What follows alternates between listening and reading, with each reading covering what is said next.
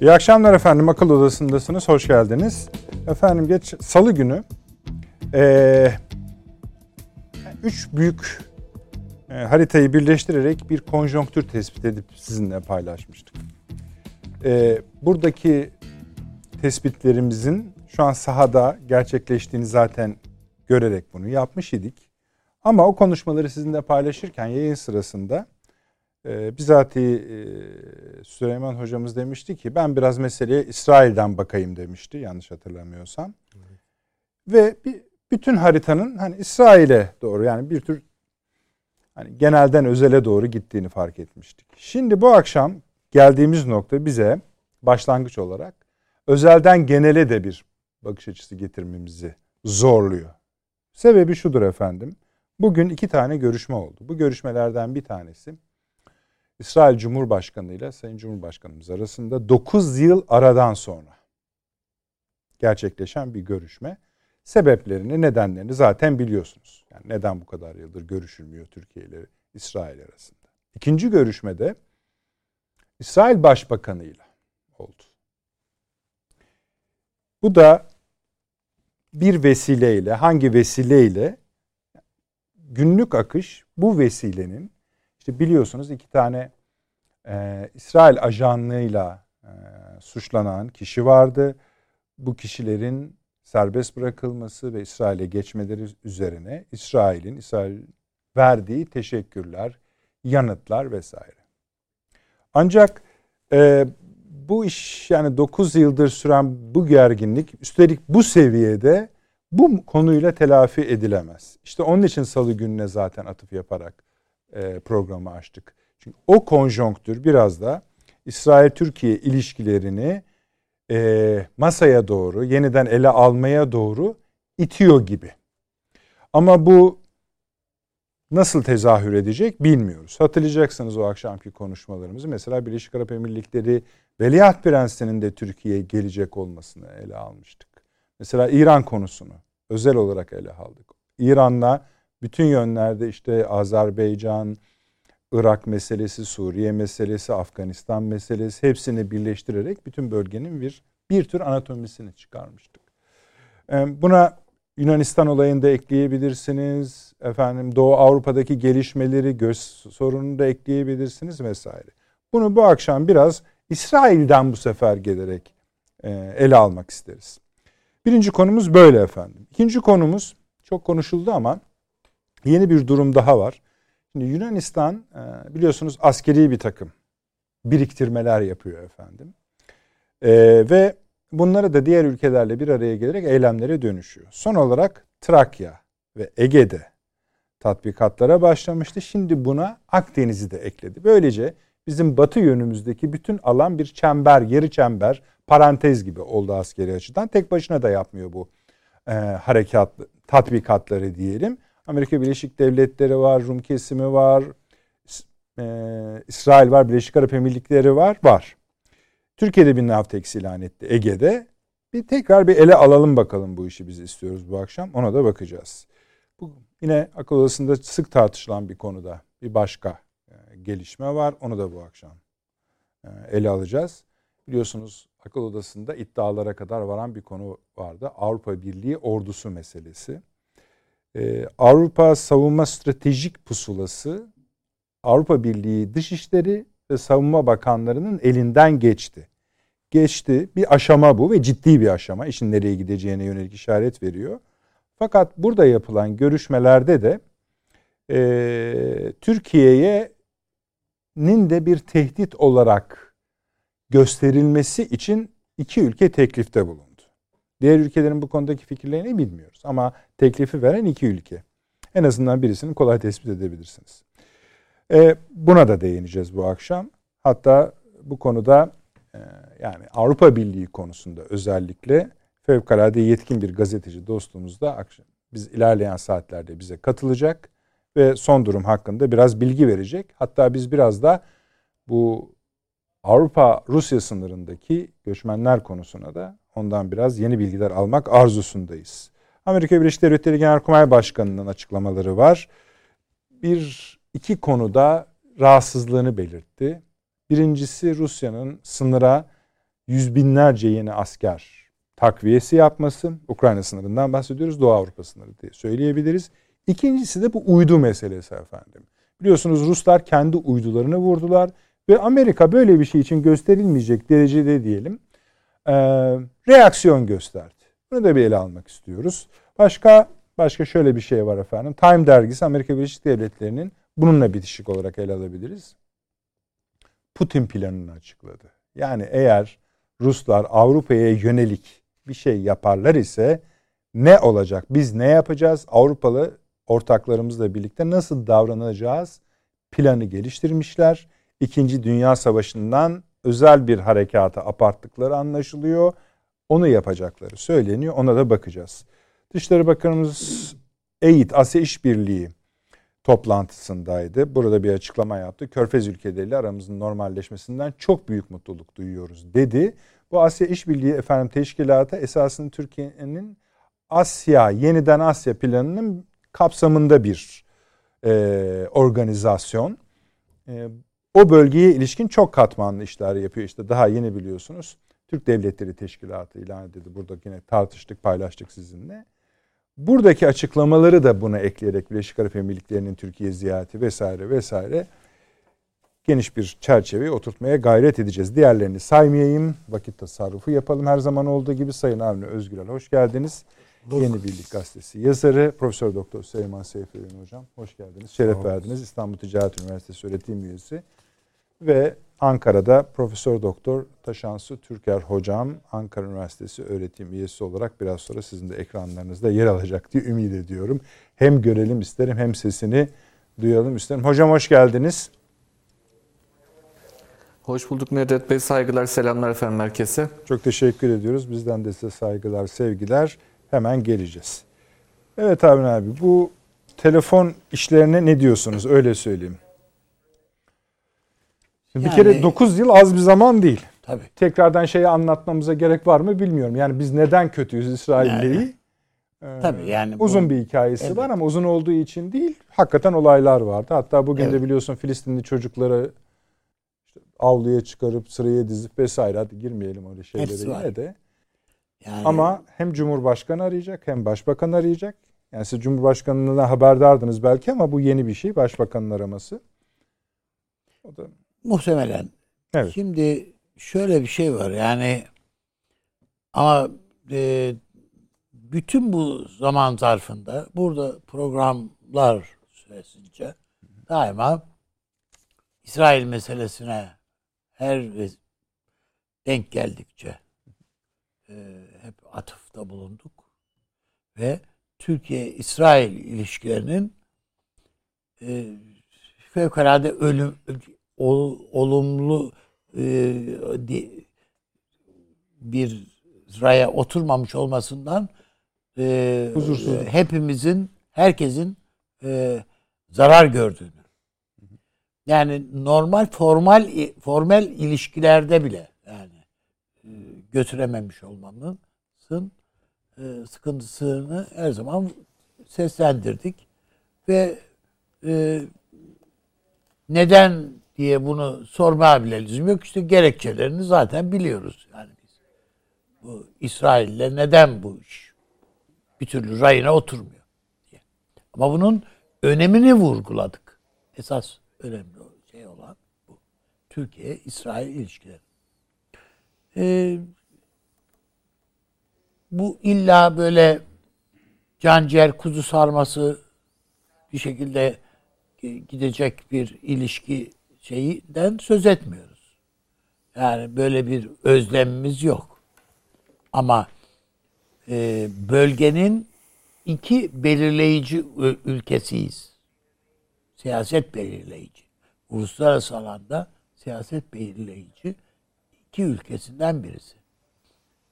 İkincisi İsrail'in sadece kendinden ibaret değil, e, etki, etkileme kabiliyeti de olduğu İsrail lobisi dolayısıyla Yahudi lobisi dolayısıyla Amerika üzerinde filan da etkisi var.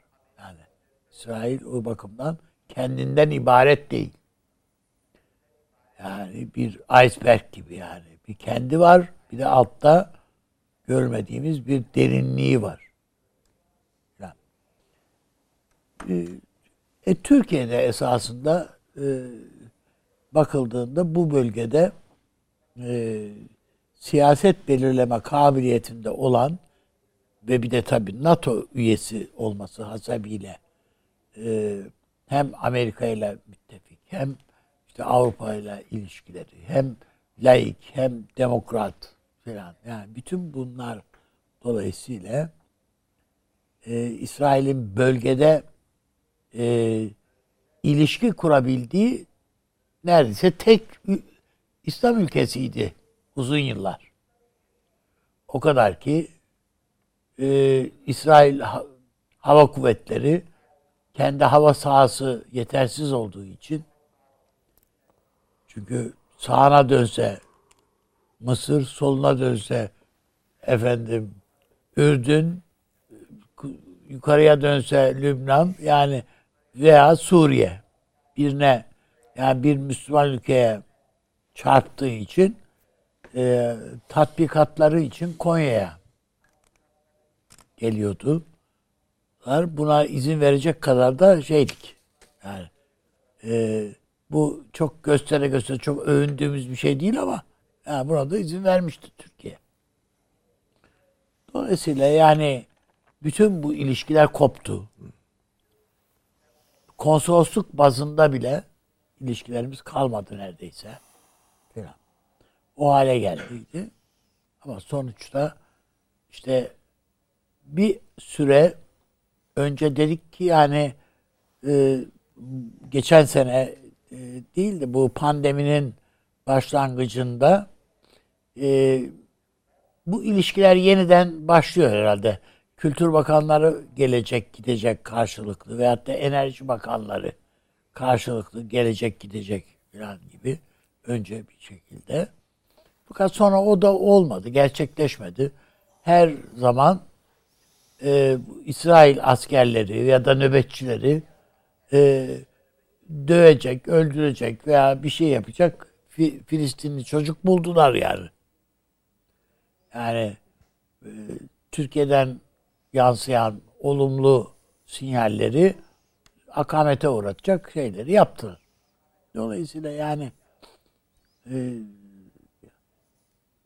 bu casus meselesi öyle zannediyorum ki İsrail'in arayıp gökte ararken yerde bulduğu bir fırsat oldu. Bir vesile oldu. E, bu adamlar casus muydular? E, çok hayır hak işler yapmadıkları anlaşılıyor. Çünkü yazdıkları bilgi notlarında o e, yani WhatsApp grubuna yazdıkları bilgi notlarında oraya sa- sadece WhatsApp grubuna mı yazılmış? O da belli değil yani. Herhalde başka bir yere de o notlar gidiyor. Tayyip Bey'in evinin önünde kaç koruma var? Ee, filan da dahil. Yani hadi Tayyip Bey'in evinin fotoğrafını çektiler diyelim. Merak ettiler, çektiler.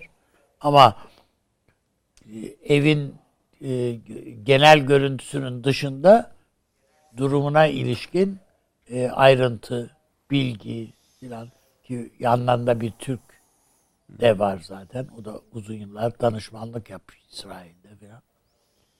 Yani çok böyle sütten çıkmış kaşık değil olmayan turist rolünde iki İsrailli. Ve bu yani anladım siz o kanaattesiniz hala. Ben o kanaatteyim hala. Ee, ama Türkiye bu işi şey, yani İsrail'de bu işi köpürtmek istemedi veya tırmalamak istemediler. Türkiye'de bu işi neden istemediler? Yani işte siz dediniz ya belki İsrail bunu bir vesile saydı. Türkiye'de mi öyle? Vesile yani ilişki için vesile. Tabii tabii onu söylüyorum. Belki ilişki. Türkiye'de mi öyle zannetti? Sandı ya da öyle. Yani. Hayır. İsrail Cumhurbaşkanı zaten arayan. Hem de başbakan. Cumhurbaşkanımız. Yani biz onu bir vesile iddia etmek demek. Biz aramış olsak hani böyle bir şey söylenir ama e, karşınızda da yeni seçilmiş bir cumhurbaşkanı var İsrail'de. Yani bu Netanyahu olsa onun onun araması ile bu yeni Cumhurbaşkanı'nın araması aynı şey midir? Hayır, aynı şey değil. O bakımdan ben e, eğer bir bir şeyler düzelecekse ki e, bütün Arap ülkeleri, bölgedeki Müslüman ülkeler kendilerince İsrail'le işte bu e, İbrahim Anlaşması, şu bu yani ki onlar da kendilerine göre bir takım şeylerle, sebeplerle e, ilişkiler kuruyorlar zaten İsrail'le. Bu telefonları sadece bu telefonları değil. Salı günü konuştuğumuz coğrafyanın Evet. üzerine de oturtarak, şartların üzerine oturarak ilişkilerdeki bir gelişmenin işareti Şöyle. sayıyor musunuz? Yani e, burada hocalarımızın değerlendirmesini de önemsiyorum. Şu, İsrail bölgede Amerika'nın ağırlığını hafifletme eğilimini görünce bu coğrafyada e, ilişkileri bazı ya birileriyle ilişkileri düzeltmek ya da güçlendirmenin yoluna baktığını yani hani başımızın çaresine bakalım. Çünkü yani daha ilerleyen dakikalarda konuşabiliriz. Mısır zirvesi de yapıldı biliyorsunuz Evet evet. e, Amerika'da. Orada da e, Mısırlılar yani Mısır'dan gelen heyete söylenen başınızın çaresine bakın. Üstelik de yani bu bölgede bulduğunuz petrol, doğalgaz şu bu filan e, bu bunun ekonomik e, şeyine de altına da boşta bırakmıyor. Yani bunun farkındayız. Biz de siyaseten destek verebiliriz. Ama işte demokrasi, insan hakları filan bu sefer önüne çıkarılıyor. Tıpkı bunun gibi yani e, bö- bölgedeki ülkeler Amerika'nın bu coğrafyada saha boşaltması sebebiyle kendiliklerinden bir şeyleri e, yeniden değerlendirme ihtiyacıyla harekete ge- geçtiklerini düşünüyorum ve bunu Esasında geçen güzel bir şekilde tek cümlede özetlediniz genel tabloyu. Biz detaylara giriyoruz ama peki yani siz unutmayın Ha. diyeceğinizi de biz madem böyle niye biz yakınlaşalım ki? yakınlaşmak değil. Ya- Ne? ilişkileri düzeltmek. Niye düzeltelim? Canım yani kavgalı olmak diye bir şey yani bu bölgede e, zaten ilişkilerimiz ticaret ticaret alanında hiçbir şey problemsiz gidiyor zaten. Yani hatta e, ticaretimiz artmış bile İsrail'le. Ona bir şey yok. Ama onun dışında bölgede bir takım yani bizim Filistin'le ilgili bir takım taleplerimiz var değil mi? Yani orada e, hala günde iki saat mi dört saat mi ne elektrik veriyorlar. Bilmem işte ilaç şu bu göndermeye kalksak gönderemeyiz. Türkiye insani sebeplerle bile e, bu durumun e, İsrail ile olan ilişkilerimizdeki bozukluğun bu sonucu doğurduğunu farkında. Herkes farkında yani. Dolayısıyla bu merhabalaşma telefonda onu sağlayacaksa bile ö- önemli yani kabul edilebilir bu. Demek ki ben dediğim gibi yani İsrail'in ihtiyacı da bu. Yani Türkiye e, amana bu Amerika'da zaten bölgeden çekiliyor. Biz İsrail'le ilişkileri mutlaka sağlamlaştıralım iyi olur diye düşündüğünden değil. Türkiye buna baktı falan bakacak hal, şeyde de değil. E, ama İsrail buna bakacak durumda. Gene Ve peki- bunların hiçbirisi yani Birleşik Arap Emirlikleri'ne güvenerek bu bölgede kendi geleceğini sağlamlaştırdığını düşüneme, düşünemez İsrail. Yani bu İsrail o kadar aklı olan bir devlet. Peki e, bu işte aramız düzelmiş değil de Ha. şey diye söyleyeceğim. Aramızın hani daha da bozuk olduğu dönemde İsrail'in Akdeniz'de, Mısır'la, Körfez ülkeleriyle, e, Suriye'de, Irak'ta e, PKK meselesinde vesaire vesaire bunları çoğaltabiliriz. Tabii ne kadar aleyhimize bir şey varsa her bir şey Evet. var. Şimdi onlara ilişkin yani siz iyileştiğiniz zaman bu sorular da gelecektir. E tabi gelebilir. Yani e, en azından Türkiye'ye e, yönelirken yani bu bir eğer karşılıklı konuşuyor isek orada aramızdaki sorunları ya da Türkiye'ye niye habire sırtında diken gibi seni gördüğünü anlatmak zorundasın İsrail. Ankara'ya anlatmak zorunda yani. Neden ben Kıbrıs'ta senin karşındayım? Neden ben Akdeniz'de sen, sen- e, senin değil Yunanistan'ın Yanındayım. Yunanistan'la yan yanayım? E, filan yani veya Mısır'da neden senin de şey yaptığın, arzuladığın e, e, yapıdan yapıya bir destek vermiyorum da işte onun dışında işte Fransa ile filan dans ediyorum. Herhalde bunlara bir cevap arayacaktır. Herhalde bu bile e, şey emir Türkiye'ye geldiğinde Ankara'da bunlar da kendisine böyle tek tek şu ülke şu ilişki falan diyerek sorulmasa bile neden yani Türkiye'de e, Türkiye karşıtlığının sebebini Ankara sorgulayacaktır herhalde.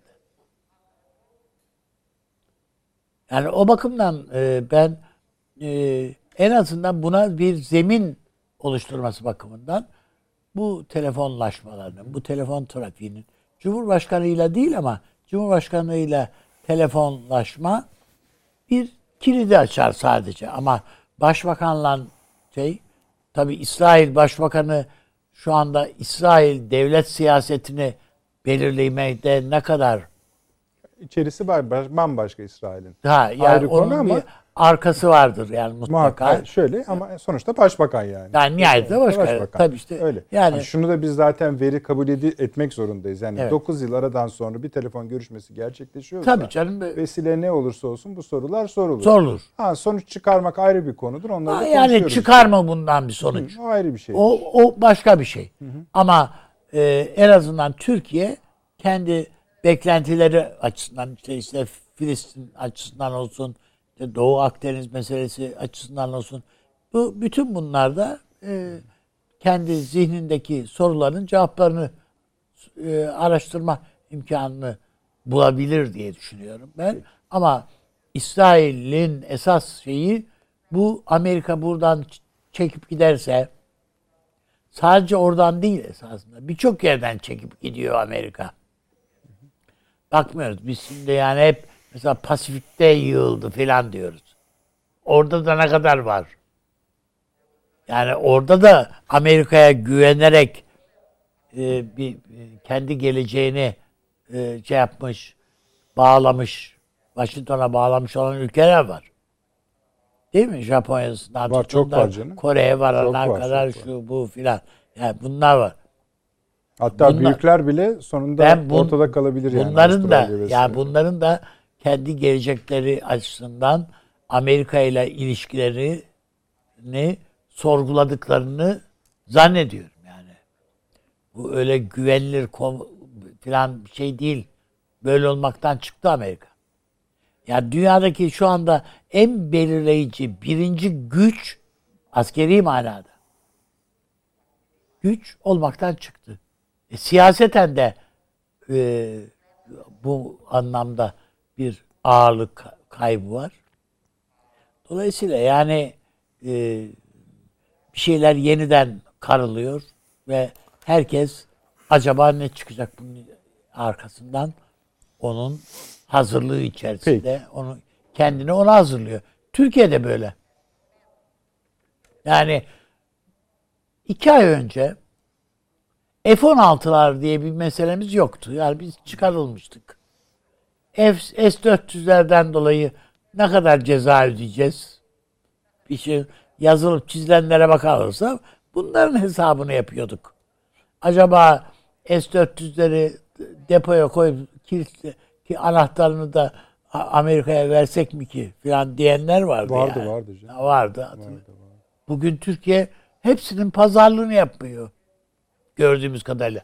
kabul ediliyor edilmiyor o ayrı mesele ama en azından olumlu görüşme işaretler geldi diye bugün yapılan açıklamayı söylüyorum. Anladım.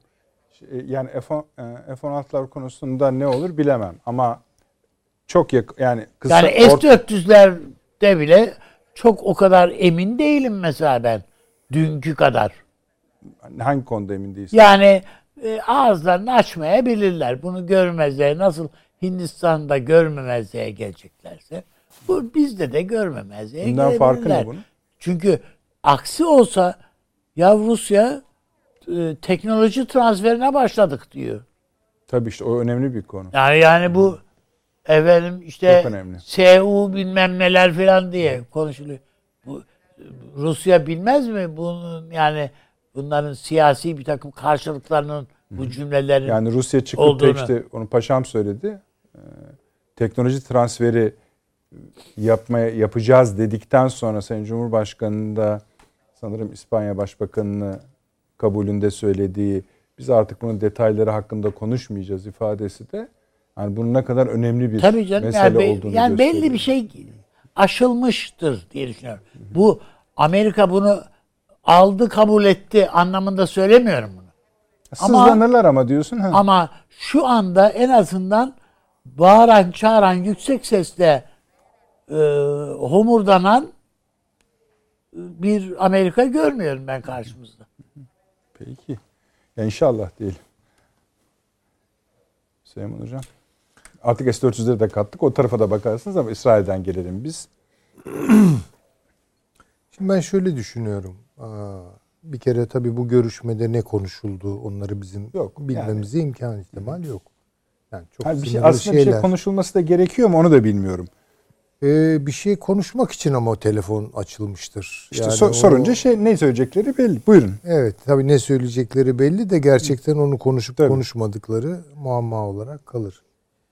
Ee, ben İsrail'in nazarında İsrail'in ulusal çıkarları itibariyle Türkiye mi İran mı diye bir soru sormak istiyorum. Yani Türkiye mi İran mı daha önemli mi daha tehlikeli mi? Yani şöyle, e, şu an fiili duruma bakacak olursak İsrail zaten kendi yetkililerinin ağzından da biz bunu duyduk. Birinci düşmanımız öncelikli olarak İran, ikincisi Türkiye dedi. Bu önemli. Yani daha yani yer değiştirilmiş olarak söyleyenler de oldu. Yani o biraz Siz boş verin. spekülasyon. Yok şeyin başkanı Ha, dedi. Orada vardır tabii bunu söyleyenler mutlaka çıkacaktır da.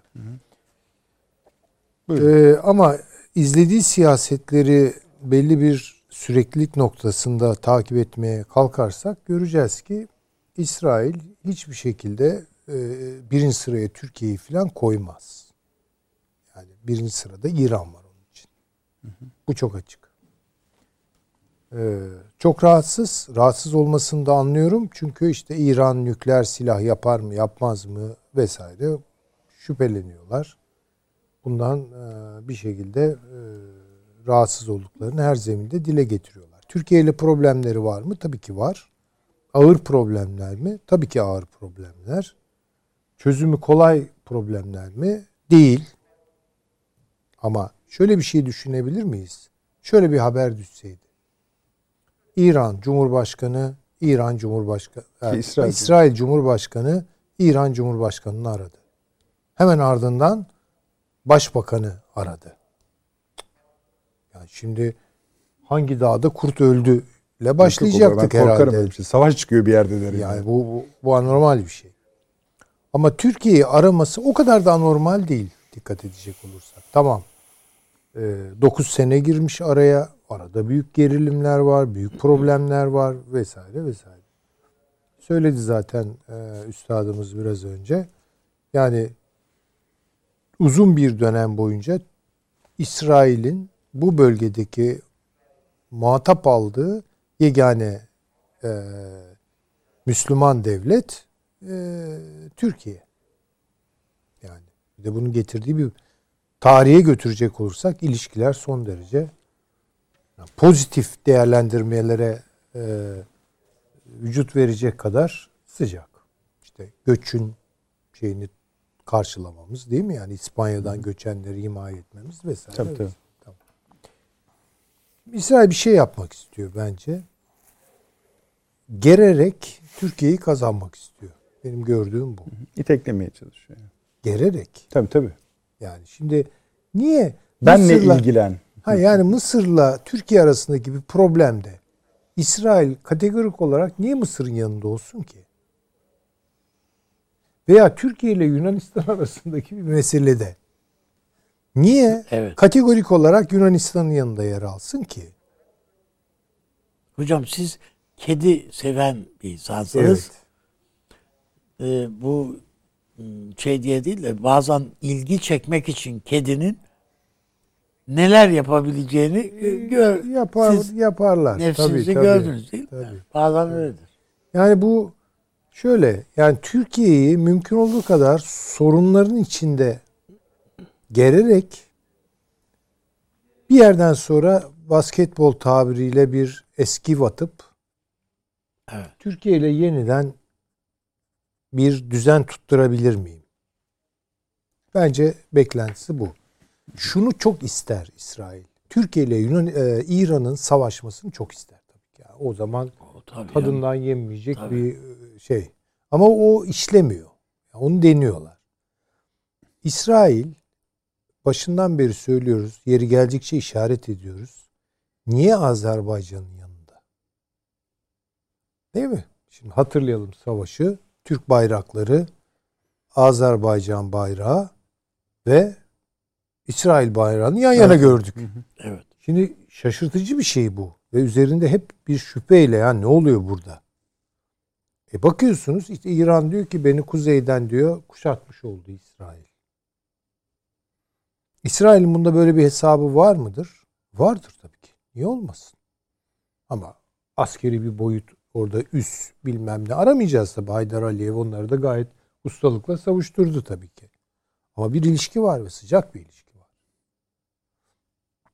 Bir taraftan da bu kanal üzerinden Türkiye ile yani istikrarlı diyemeyeceğim ama en az en az sorunlu bir siyaseti götürmek suretiyle İran'ı biraz daha sıkıştırmak istiyor.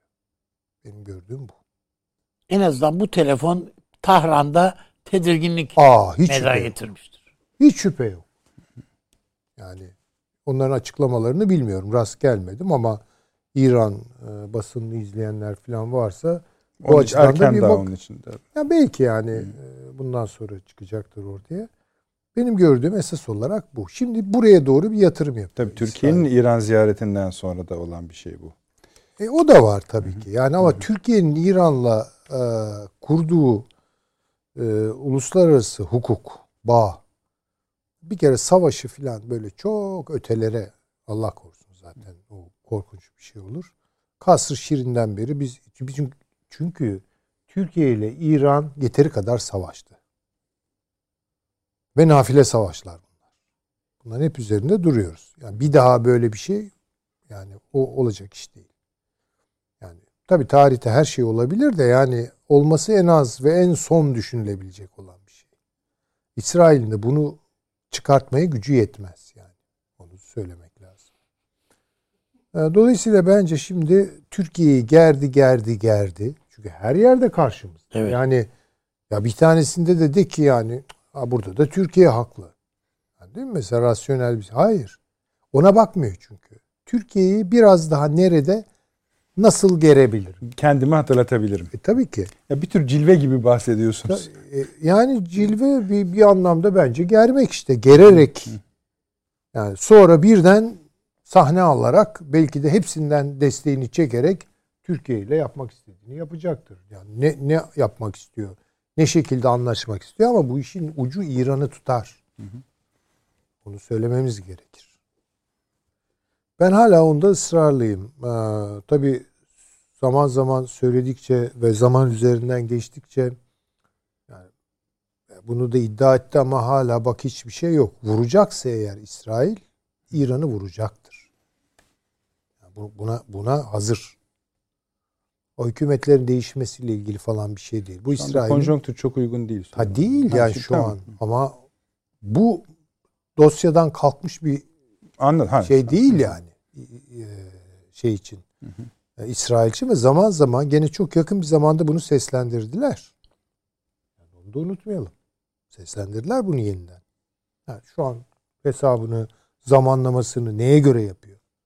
Ama İsrail'in bütün yaptığı şey Türkiye'ye kendi siyasetlerini en azından kabul ettirecek diyemem yani empoze edecek diyemem ama Türkiye'nin en azından bunlara e, deyim hoş değil ama takoz koymayacağı bir ortamı veya en azından Türkiye ile ilişkilerinde e, daha az riskli bir e, rejim doğurarak başka öncelikleri üzerine gitmek istiyor İsrail. Benim gördüğüm bu. Tamam. Ha, çünkü bunun başka bir izahını bulamıyorum yani şimdi spekülasyon yapıyoruz tabii, tabii. netice itibariyle ama yani şey net bir cevap bu. vermemeyi iyi tutuyorsunuz. Bu Türkiye-İsrail ilişkilerinde karşılıklı iyileşme arzusunun tezahürlerinden biri mi? Yani değil bence. Yani değil. Bu böyle bir şey yok. Yani Türkiye ile İsrail ilişkilerini yeniden e, böyle işte üstadın dediği gibi sarmaş dolaş bir hale getirelim falan değil. Buna imkan da yok yani. Orada işte bir Filistin meselesi duruyor yani. Şimdi Peki yani işte Avni Bey şöyle bir çatı kurdu ya biz yani salı günü altını çok doldurduğumuz için tekrarlamıyorum. Hani ABD'nin ağırlığını azaltmasıyla ortaya çıkan bölgedeki konjonktürün İsrail'i buna davet ettiği en kibar ifadeyle söyleyeyim. Yani ABD buradan tabii çekilmiyor. Yani biliyoruz. Haberlerini alıyoruz. Suriye'ye asker gönderiyor vesaire. Ama İsrail'i eskisi gibi kollamıyor. İsrail biraz burada inisiyatif alıyor. Yani kendi siyaset yapıyor ve bölgede kim varsa doğrudan onlarla. Rusya ile ilişki kuruyor. Peki bir ayağı da bu Türkiye ile bir ilişki kurmak. Yani Türkiye'yi bir tartmak istiyor bence şu an. Yani Türkiye'de Türkiye'den belki mesela bu casus işi bile öyle, onun için belki Türkiye'nin duyarlılıklarını şöyle bir yoklamak. Belki çünkü bu kadar elini kolunu sallaya sallaya James Bond filmindeki gibi fotoğraf evet. çekmeler bilmem neler yani bunlar bana biraz evet. tuhaf geldi. Belki ona uygun bir senaryo oluşturdular. Bence daha derin görüşmeler iki tarafın entelijans servisleri arasında yapılıyordur. Zaten o da o söylendi zaten bu söylendi görüşmelerde. De, tabii ki. Belki bazı işbirliklerine de gidiliyordur yer yer bilemiyorum. Size şey yok Cumhurbaşkanlığının bu konudaki açıklamasını. Açıklaması. Şöyle diyor.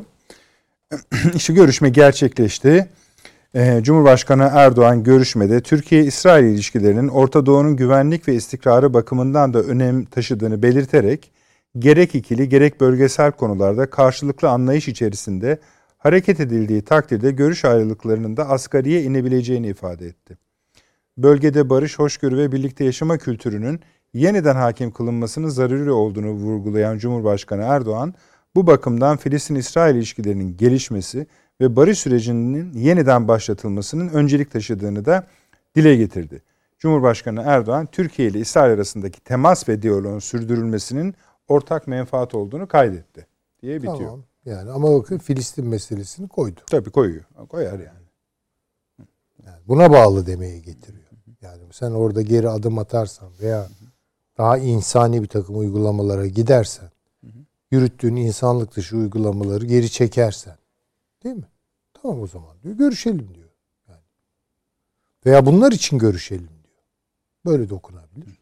Yani İsrail'in verdiği Filistin'e verdiği zarar eğer yüzden yetmişe indirecekse bir hamleniz onu yapar Türkiye yani.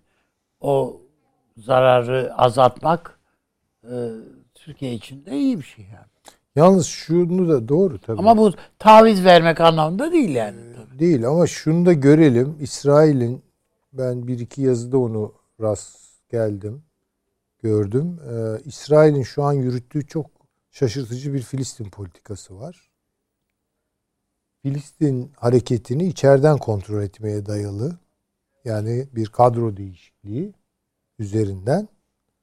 Ee, Türkiye'de bunu herhalde takip ediyordur. Yani öyle bir problem de var. Yani Filistin bu, hareketini esasen biz yeteri kadar doğru analiz işte ne yani kim, fazla etmiyor olabiliriz. Tabii yani. Ee, Çünkü o ta e, öteden beri yani başlangıcından itibaren Filistin dava şeyinde hareketinde e, mutlaka tabii. sorgulanması gereken şey, hususlar var. Var. Yani şimdi e, Mahmut Abbas çok yaşlandı. Bunu biliyoruz. E, Dahlan'ın ismi geçiyor. Hı hı. O hep Çok konuşuluyor. ama bakın işte yani şu aralar çok Evet. fazla konuşuluyor bu mesele. Ee, yani İsrail bir kendine göre şu an yani Amerika'yı birinci derecede işin içine katarak veya katmayarak değil çünkü Amerika hakikaten şu an bütün ağırlığını ve ilgisini Kafkas şeye verdi, Karadeniz'e verdi, Baltık'a verdi, Doğu Akdeniz'e verdi ve Pasifik'e verdi.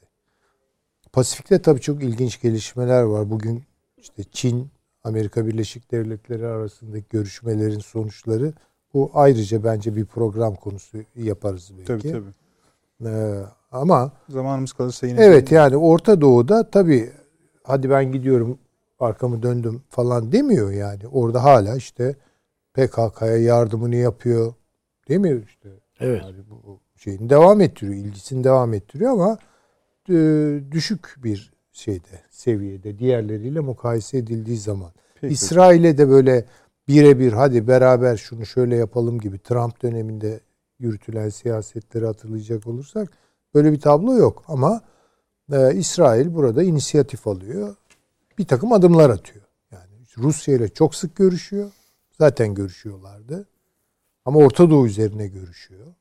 Ve İran'ın her şekilde Lübnan'dan başlayarak geriye postalanması Türkiye'nin durumu belirsiz. Türkiye'yi de istemiyor tabii.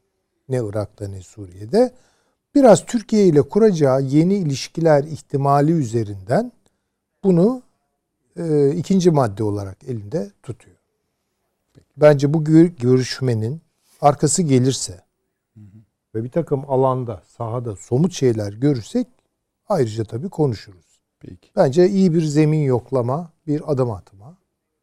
e, beklentisi de Ama bu şu bence. anda şeyi de bekler misiniz hocam siz? Ee, Ankara'ya e, Filistin'den de bir takım e, Gelebilir. siyasilerin e, Gelebilir, gelip tabii, e, zemin yoklayacaklarını. Tabii, tabii. Şimdi eski bir diplomat ağabeyimiz şöyle bir mesaj atmış. Diyor ki mesela önce size şunu sorayım. Ee, mesela Cumhurbaşkanları görüştü. Ee, Başbakan görüşmesine ihtiyaç ne arkasından? İcra Ha. organı şeyi değil. Ee, Cumhurbaş- İsrail Tamam Cumhurbaşkanı ama biz hiçbirimiz çıkıp bizim- şey demezdik ki. Ya vay Cumhurbaşkanı aradı, Hayır. Başbakan aramadı. sembolik O- o kalıyor. değil. Bu bir adım Orada daha ileri gidiyor. eylem yapma yani Evet, yasal karar, tabii. açıdan bi- bizim şu andaki sistemimiz Cumhurbaşkanlığı sistemi. Ee, bir önceki sistemimiz normal parlamenter sistemde gördüğümüz yapı. Doğrusu o, orada Cumhurbaşkanı etkisiz miydi? Hayır etkiliydi ama sadece konumundan dolayı etkiliydi. Ama icranın başında başbakan vardı. Şimdi işte Şimdi İsrail'de de başbakan esas icranın başında. Abimiz diyor ki Ha, e, çıktıları ta- yani ilk görüşmenin çıktılarını takip içinde olabilir diyor. olabilir. Yani yaz bir de bir şeye daha değinip Yani e, Cumhurbaşkanlık konuşmasından sonra da tabii her şeyi söylemiyorlar. tabii. Orada bir şeyler varsa belki hani onu takip açısından da. Tabii. Bakın Kafkasya'da Azerbaycan'ın yanında yer alması demek İsrail'in. Ben Asya işine de talibim demektir. Asya'ya Hayır, anladım da nesini yani yani o, o derinlik işte şimdi Türk Birliği meselesi çıktı ya. Türkiye devlet e, tamam Türk da hani- devletleri talip olduğu görev ne? ay talip olmak şu. Buraya girmek istiyorum. Ha, iyi Yani gelsin. E, elbette tabii o.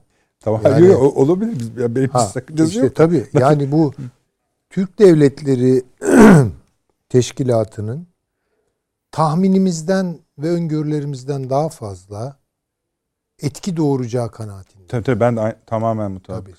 Yani burada İsrail'in böyle bir şeyi de olabilir. Yani bu rüzgarı ben de yakalamak Peki. istiyorum gibisinden bir En azından ne oluyor? E, öte, ne olduğu evet ama onu biliyordur zaten. Tabii, Bence evet, ötesi öyle. bundan alabileceğim pay kendine göre nedir yani bilemem. Peki. Ee, Taşans hocamız biraz beklettik. Tekrar özür dileyelim ama zaten hani istediği kadar konuşma şeyi var. Biraz daha hoşgörüsüne sığınarak bu kısa reklamı da aradan çıkarıp hemen kendisiyle devam etmek üzere efendim. Gidiyoruz hemen geliyoruz.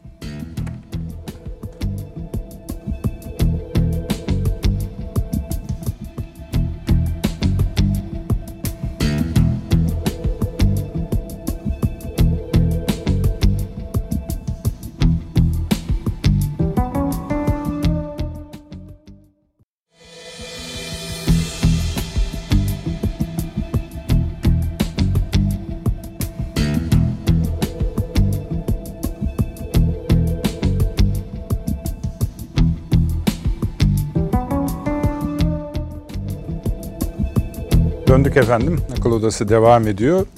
Döner dönmez de İstanbul'dan Ankara'ya pas atalım. Profesör Doktor Taşans Türker hocamı görelim. Arkadaşlar. Ee, hocam işte şimdi İsrail konusunu konuşuyoruz fakat biraz genişledi. Yani bir S-400'ler meselesi de oldu ama ABD'nin bölgedeki ağırlığının azaltılmasıyla ortaya çıkan yeni konjonktür de konuşuldu. Salı günü de biraz bahsetmiştik. Hatta ucundan Türk Devletler Teşkilatı'na da değinildi. Nihayetinde de elimizde ya çok abarttığımız bir te- iki, iki telefon konuşması var. Ee, onun vesilesi olarak neyin söylendiğini de biliyorsunuz. Ama hani çizilen tablo gerçekten de bölge için söylüyorum. Bunu sanki biraz bize hani ikram ediyor gibi. İlla almamız gerekmiyor tabii ayrı konu da. Siz ne düşünüyorsunuz? Ee, ya valla şöyle şimdi tabii hani o kadar geniş çerçeveye girmeden bir Türk-İsrail ilişkilerine Buyurun, buyurun. e, bir bakmakta fayda var. Ee, yani şöyle biz e, çok tekrarlıyorum bunu sizin programınızda. Ee, büyük tarihçi Brodel'in e, zamanı nasıl tasnif ettiğini hep anlatıyorum. Yani zaman dediğimiz mefhum öyle tek başına akan bir şey değildir. Yapılar vardır, konjonktür vardır, e, bir de olaylar vardır e, demişti Brodel. Şimdi e, bunu şöyle değerlendirmek lazım. İklim vardır, mevsimler vardır, ve bir de meteoroloji vardır. Şimdi meteorolojik gündem ile iklim e, birbiriyle uyuşmayabilir. E, bunlar farklı düzlemler, farklı katmanlardır. Türkler ve Yahudilerin tarihteki ilişkilerine bakacak olursanız çok daha uzun süreli bir yapı görürsünüz ortada. E, bu hani e, diğer kavimlerle Yahudilerin ilişkisine hiç benzemez. E, Gerçekten ayrıksıdır ama hani e, böyle çok e, işi tarihsel boyutuyla boğmak istemiyorum. O yüzden çok fazla bahsetmeyeceğim ama kısaca şunu hatırlayacak olursak mesela 1992 yılında 500. Yıl Vakfı'nın çalışmalarını işte 1492'de İspanya'dan Osmanlı Devleti'ne göç eden Yahudilerle alakalı ve bunun dünyada yarattığı etkiyi, Türk dış politikasında nasıl bir manivela olduğunu vesaire hatırlayacak olursak aslında bir iklimi anlamış oluruz. Yani Türkler ve Yahudiler arasındaki iklim bellidir. E, Bu olumlu bir ilişki olmuştur. Mesela bizim e, Osmanlı vesikalarında e, Yahudiler ayrılır her zaman için. E, bil cümle kafir ve taife Yahut denir. Bütün vesikalarda böyle geçer Osmanlılarda. E, Yani dolayısıyla bu ba- başka bir şeydir. E şimdi bunu hani e, dediğim gibi çok uzatmak istemiyorum ama Türk-İsrail ilişkilerine baktığımızda 1950'li yıllarda henüz daha İsrail yeni kurulmuşken e, Türkiye ve İsrail'in yakın ilişkilerini Demokrat Parti döneminde hatırlamak gerekir. Yani o dönemde Ben Gurion'un e, Ankara ziyaretini, işte iki ülke başbakanının birbiriyle çok sıcak ilişkiler kurduklarını vesaire hatırlamak gerekecektir diye düşünüyorum. Bunlar durduk yere olan şeyler değildir tabii ki. Yani mutlaka kültürel, tarihsel paternler, biraz önce o bahsettiğim iklimin etkileri vardır ancak e, uluslararası ilişkiler dediğiniz şey eninde sonunda devletlerin ilişkisidir ve çıkar kavramı, ulusal çıkar kavramı üzerinden yürür. İsrail ve Türkiye ikisi de ulusal çıkar anlamında birbirine muhtaç olduğunu 1950'lerde gördüler, yakın ilişki kurdular. E, Bunun bir benzeri 1980'lerde yaşandı. E, İşte dediğim gibi e, 500. yılın e, kutlamalarına ve o çerçevede bunun bir manivela olarak Türk dış politikasında büyük imkanlar açmasına kadar da uzandı. Bunları da fazla uzatmak istemem. Birazcık hani biraz meteorolojik kısma geleyim. Yani iklimden bahsettik, mevsimlerden bahsettik. Meteorolojik kısma baktığımızda mevzu şudur. E, Türkiye İsrail ile belli bir e, kontrollü çatışmayı tercih etti. Bu Türkiye'nin tercihiydi. Yani burada e, İsrail'in özellikle Türkiye'yi kışkırtmak için bir faaliyette bulunduğunu falan son 10 yılda, son 20 yılda bir hani çatışma başlatan taraf olmadığını tespit etmemiz gerekiyor. Türkiye niye bunu tercih etti peki? Yani ulusal çıkar dedik ya, durduk yere şimdi e, birileriyle niye aranızı açarsınız? E, yani devletler rasyonel yaratıklardır eninde sonunda. Yani e, şey yapmaz böyle duygusal yahut işte sadece ve sadece duruş göstermek için bir şey yapılmaz. Orta Doğu'da esen bir rüzgar vardı. İşte adına demokratikleşme diyebilirsiniz. Bir kısım insanlar Arap Baharı demişlerdi ama o dönemde çok gündemdeydi bu şey Game of Thrones dizisi Winter is Coming, kış geliyor diye başlıyordu ya dizi. Valla Arap Baharı adını duydum da ben ilk başta onu söylemiştim. Kış geliyor herhalde Orta Doğu'ya demiştim. Çok da haksız çıkmadım. 10 sene sonra bunu söyleyebilirim. E, ama o ortamda Türkiye İsrail'le ilişkilerini minimize ederek diğer Arap ülkeleri ve hatta Arap toplumları üzerinde etkili bir siyaset kuracağı e, hesabını yaptı. Şimdi bugüne baktığımızda e, bu hesap tutmadı. Bir defa bunu tespit etmemiz lazım. Arap Baharı'nın rüzgarı döndü. Bambaşka bir rüzgara, Arap milliyetçiliği rüzgarına. Fakat bu yeni Arap milliyetçiliği nasırcılık ya da bağızçılık gibi değildi. İbrahim Anlaşmaları çerçevesinde İsrail'le barış yapmak isteyen bir Arap milliyetçiliği. Başka tür bir Arap milliyetçiliği hasıl oldu ve şu anki durum budur. Şimdi e, biraz önce stüdyoda söylendi, Avni Bey Üstadım da söyledi, Süleyman Hoca da söyledi. Filistin bir konu mudur Türkiye için? Tabii ki konudur. Yani bunu Türkiye'nin unutması, yok sayması, efendim benim ulusal çıkarımla alakalı değil demesi mümkün değildir. E, evet çıkar kavramı önde gelir ama bir de ahlaki duruşlar vardır. E, sizin genel geçer beklentileriniz vardır. Ancak 1950'li yıllarda da Filistin orada duruyordu. Yani sorun da e, daha da hafif değildi. Ancak e, açık bir şey var ki Türkiye İsrail ile arasını açık tuttuğu müddetçe bunun Filistinlilere bir faydası dokunmadığını da tespit etmemiz gerekiyor. Acı ama gerçek durum budur. Yani e, Türkiye İsrail'e baskı yaparak, İsrail'le diplomatik ilişki kurmayarak Filistinlilerin taşın üstüne taş konmasını sağlayamadı. E, dolayısıyla Türk dış politikası açısından bakınca Filistin açısından bakınca e, ve ama en son bence asıl olarak yeni gelişmeler o da İran'ın bölgedeki varlığını arttırmasıdır. E, Türkiye açısından İsrail ile görüşmeyi e, can ciğer kuzu sarması olmayı değil bugün için ama e, açık ki normalize olmayı e, daha faydalı bir hale getirdi ve Türk devlet aklının da bu çerçevede e, bir analiz yaptığı kanaatindeyim ben. Şimdi birincisi bu. İkincisi diğer taraftan bakalım. Ee, İsrail açısından baktığımızda da e, iki gün önceydi yanlış hatırlamıyorsam. Alan Pinkas, Haaretz gazetesinin e, Amerika temsilcisidir, eski bir diplomattır. E, dedi ki Türkiye ve İsrail yakın dönemde çok yakın müttefik olacaklar. Böyle bir yazı yazdı, uzunca bir yazı. Şimdi bu yazıya baktığımızda çok hiç yani lafını esirgememiş Sayın Pinkas şunu söylüyor. İsrail Türkiye'ye muhtaçtır diyor Orta Doğu'da. Ve İsrail'in ulusal çıkarı için Türkiye vazgeçilmez bir partnerdir diyor. Nüfus gücüyle, askeri gücüyle, jeostratejinin verdiği güçle, tarihsel bağlarıyla, laiklik geçmişiyle, demokratik kültürüyle, üretim kapasitesiyle vesaire vesaire. Şimdi bu tabii son dönemde belli ki hani özellikle Pinkas'ın bunu yazması önemlidir. Özellikle Haaretz gazetesinde yazması önemlidir. Demek ki İsrail'de de havanın bir şekilde döndüğünü görüyoruz. Burada e, belli ki e, temel mevzu İran. Yani iki ülkenin de özellikle Sayın Çavuşoğlu'nun İran ziyaretinin hemen ardından Sayın Cumhurbaşkanı'nın böyle bir görüşme gerçekleştirmesi hem İsrail Cumhurbaşkanı ile hem İsrail Başbakanı ile e, demek ki burada Türkiye'nin daha normalize olmuş ilişkiler arayışı içine girdiğini, e, bunun karşılığında İsrail'in de buna dünden razı olduğunu söylüyor olmamız gerekir. Ben burada şunu tabii merak ettim. Hani temel motivasyon hani bölgesel budur ama küresel motivasyon nedir?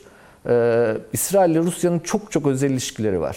Son 3-5 yıldır bu iş böyle. Özellikle Suriye üzerinden Rusya İsrail üstündeki etkisini çok çok arttırdı. Ee, yani bu şey değildir. İsrail Rusya üstündeki etkisini arttırmadı. Rusya İsrail üstündeki etkisini arttırdı. Ve Netanyahu ile Putin'in kurduğu özel ilişkileri yeni hükümette İsrail'de kaybetmeme iradesini gösterdi. Bu da şu yani bunu bir ayırmak gerekir. İktidar, siyasi iktidar ve devlet bunlar başka şeylerdir. Siyasi iktidarlar gelirler giderler ama devletlerin bir aklı vardır, bir sürekliliği vardır. İsrail'de de bunun olduğunu görüyoruz. Çünkü seçimlerden önce Netanyahu'nun ak dediğine e, yeni gelen hükümet kara diyordu. E, ama mesela işte gördüğümüz gibi önemli dış politika konularında aynı çizgiyi devam ettirdiler. Rusya ile ilişkileri koparmadılar. Ben şu soruyu sordum ilk başta kendime. Acaba hani Rusya-İsrail yakınlığı ve Türkiye ve Rusya'nın da e, bir şekilde yani nasıl diyeyim son 10 yıl içerisinde göreli iyi ilişkileri böyle bir yakınlık kurulmasını mı sağlamıştır? Valla bu soruyu sordum. Sonra dedim ki hani ben Rusların yerinde olsam ister miyim? Valla istemem herhalde. Çünkü İsrail ile konuşamayan bir Türkiye e, Rusya'ya daha fazla muhtaç olur. E, peki bu iş hani İsrail'in kendi inisiyatifiyle mi oldu? Amerika burada nerededir sorusunu sorduğumda e, birkaç tane veri benim için önemlidir. Bir tanesi Birleşik Arap Emirlikleri. Veliaht Prensi'nin Türkiye'ye yapacağı ziyaret ciddi anlamda önemlidir. Bunun bir çizgiyi tamamladığını gösterir. İkincisi de ee, benim genel olarak Biden ve Trump politikalarının Orta Doğu'ya dair nasıl ayrıştığına dair bir çerçevem var. Çok tekrar ediyorum onu bir daha söyleyeceğim. Trump şöyle diyordu. Ben çekiliyorum ne haliniz varsa görün. Nasıl olsa bana muhtaç kalacaksınız. Trump'ın politikası buydu. Biden ise şunu söylüyor. Ben fiili olarak çekilmekle beraber bir mimari kurarak çekiliyorum. Dolayısıyla kendi çıkarıma olan bu mimariyi kurup öyle çekilirim. Şimdi dolayısıyla Burada Amerika'nın bu işe karşı olduğu kanaatinde değilim ben. Yani Amerika'nın kolaylaştırıcı hatta talepkar olduğunu bile düşünebiliriz Türk-İsrail yakınlaşması çerçevesinde. E, zaten Birleşik Arap Emirlikleri Veliaht Prensi'nin geliyor olmasını da e, böyle e, yorumlamayı tercih ederim. Şimdi burada tabii ki Türk-Amerikan ilişkilerine de bakıldığı zaman hem İsrail hem Birleşik Arap Emirlikleri ile bir normalleşmenin e, Türk-Amerikan ilişkilerinde de belirli bir normalleşmenin önünü açacağına dair bir ön kabul olabilir e, Türk devlet aklında. E, bu olur mu olmaz mı bilmiyorum ama böyle bir kabul olabilir diye düşünüyorum. Neden gelir Birleşik Arap Emirlikleri Veliaht Prensi? Eğer bir ciddi anlamda karşılıklı sözler verilmediyse böyle ziyaretler yapılmaz biliyorsunuz. Ki birkaç ay evveldi galiba dış politika baş danışmanı mıydı?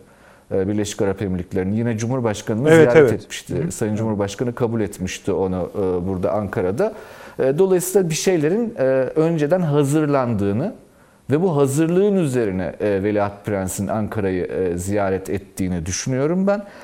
Orada hani dikkat edilmesi gereken bir husus vardır. Kıymetli buluyorum ben bunu.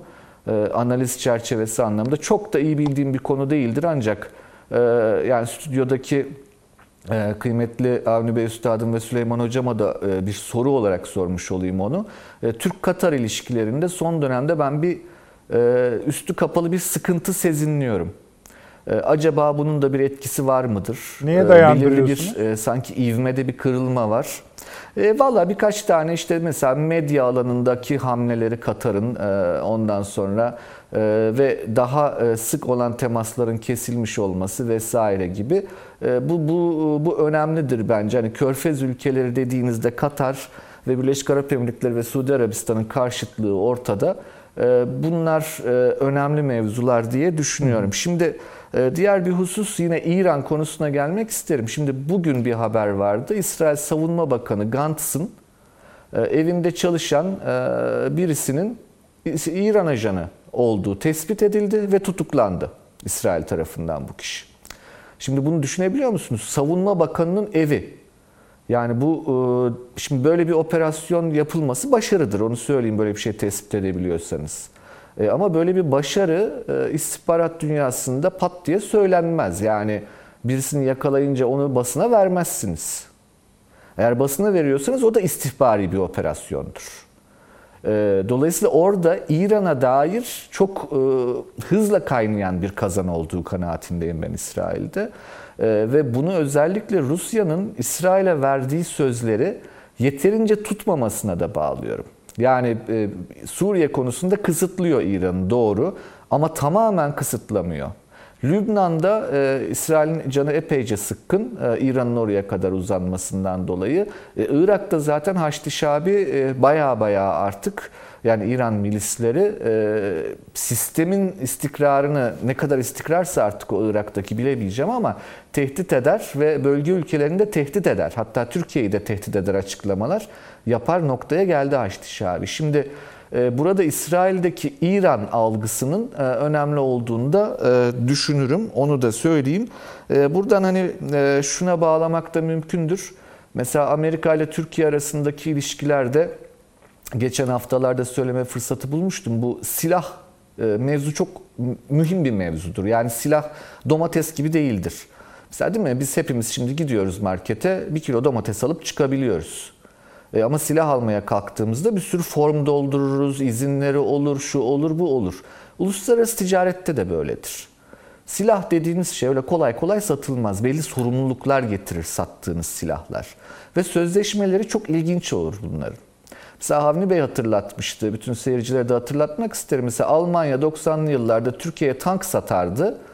Ama şöyle derdi. Efendim iç güvenlik operasyonlarında kullanılmama şartıyla satıyorum. E ne yapayım kardeşim ben o tankı diyemiyordunuz. Tankımız yoktu. Al, alınıyordu. Yani bakın bu derece şartlara bağlanır.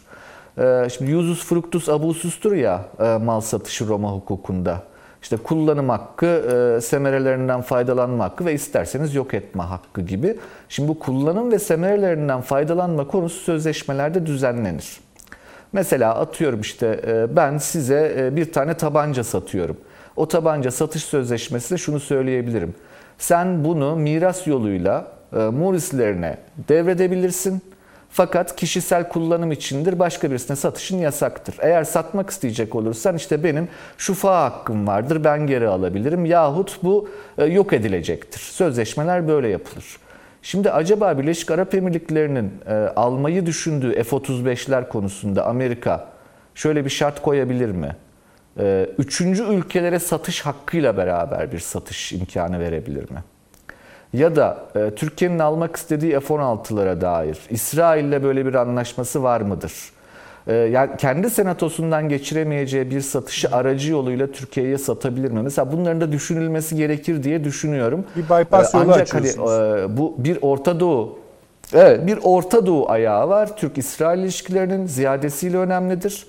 Ee, bir küresel siyaset ayağı var, ee, bir İran ayağı var, Orta Doğu'nun doğusu olarak e, ele alalım. Bir Kafkasya ayağı var çünkü Azerbaycan'daki İsrail varlığı çok çok önemli gerçekten ve yani benim konuştuğum, ettiğim, baktığım, gördüğüm Azerbaycanlı dostlarımızdan hani ciddi bir minnet görüyorum o 44 günlük savaşta İsrail'in verdiği desteğe dair ki Yafa'da yani Tel Aviv'de e, ciddi gösteriler düzenlenmişti o dönemde Azerbaycan'a destek amacıyla. Artı hani Süleyman Hoca'nın bahsettiği e, Türk İşbirliği Teşkilatı, Türk Devletleri Teşkilatı çerçevesinde İsrail yani o kadar etkin olmak ister mi onu bilmiyorum ama oralarda bir izinin olduğunu bilmemiz lazım. Mesela bizde çok bilinmez işte Buhara Yahudileri. E, bayağı da büyük bir cemaattir İsrail'de. E, Buhara Yahudileri çerçevesinde Özbekistan'la yakın ilişkileri vardır İsrail'in. E, velhasılı kelam hani mevzu çok geniş bir konu. Ee, Türk-İsrail ilişkileri gerçekten çok e, netameli, çetrefil bir konu.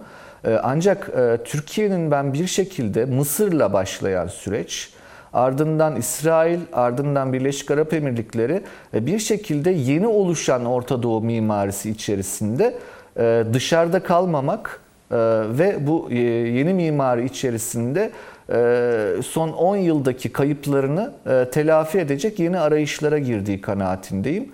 Ee, o, o yani o çerçevede de İsrail'le e, bu görüşmelerin e, gerçekleştirildiğini düşünüyorum. Dediğim gibi ama bunun bir ucu e, Türk-Amerikan ilişkilerine kadar varacaktır. Çünkü şunu unutmayalım yani benim sizin programınızda bir kere sinirlendim. Kendimi tutamadım. Hala da kızarım kendime ama haklıydım diye düşünürüm. O da Joe Biden'ın Ermeni soykırımı demesidir.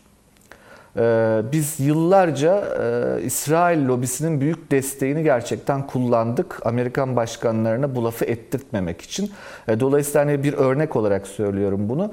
Bu işin ucu Amerika'ya da varır, Rusya'ya da varır. E, önemli bir girişim, önemli bir gelişme diye düşünüyorum. Ancak hani şu an için söyleyebileceklerim zannediyorum bu kadar. Çünkü Peki. elimizde gerçekten herhangi bir açıklama yok. Sayın Cumhurbaşkanlığının, Cumhurbaşkanının yaptığı görüşmenin üzerine Cumhurbaşkanlığı makam tarafından yapılan yazılı açıklamada da e, iki ülkenin e, sorunları çözme kapasitesine vurgu yapılması e, önemlidir diye düşünüyorum. Yani bu lanet tane yapılmış görüşmeler olmadığı aşikar diye düşünürüm. Peki çok teşekkür ediyorum Taşans Hocam. Var. Hemen onu da ekleyebilir ben de bir şey miyim? Buyurun buyurun. Yani size, hemen vereceğim size sözü.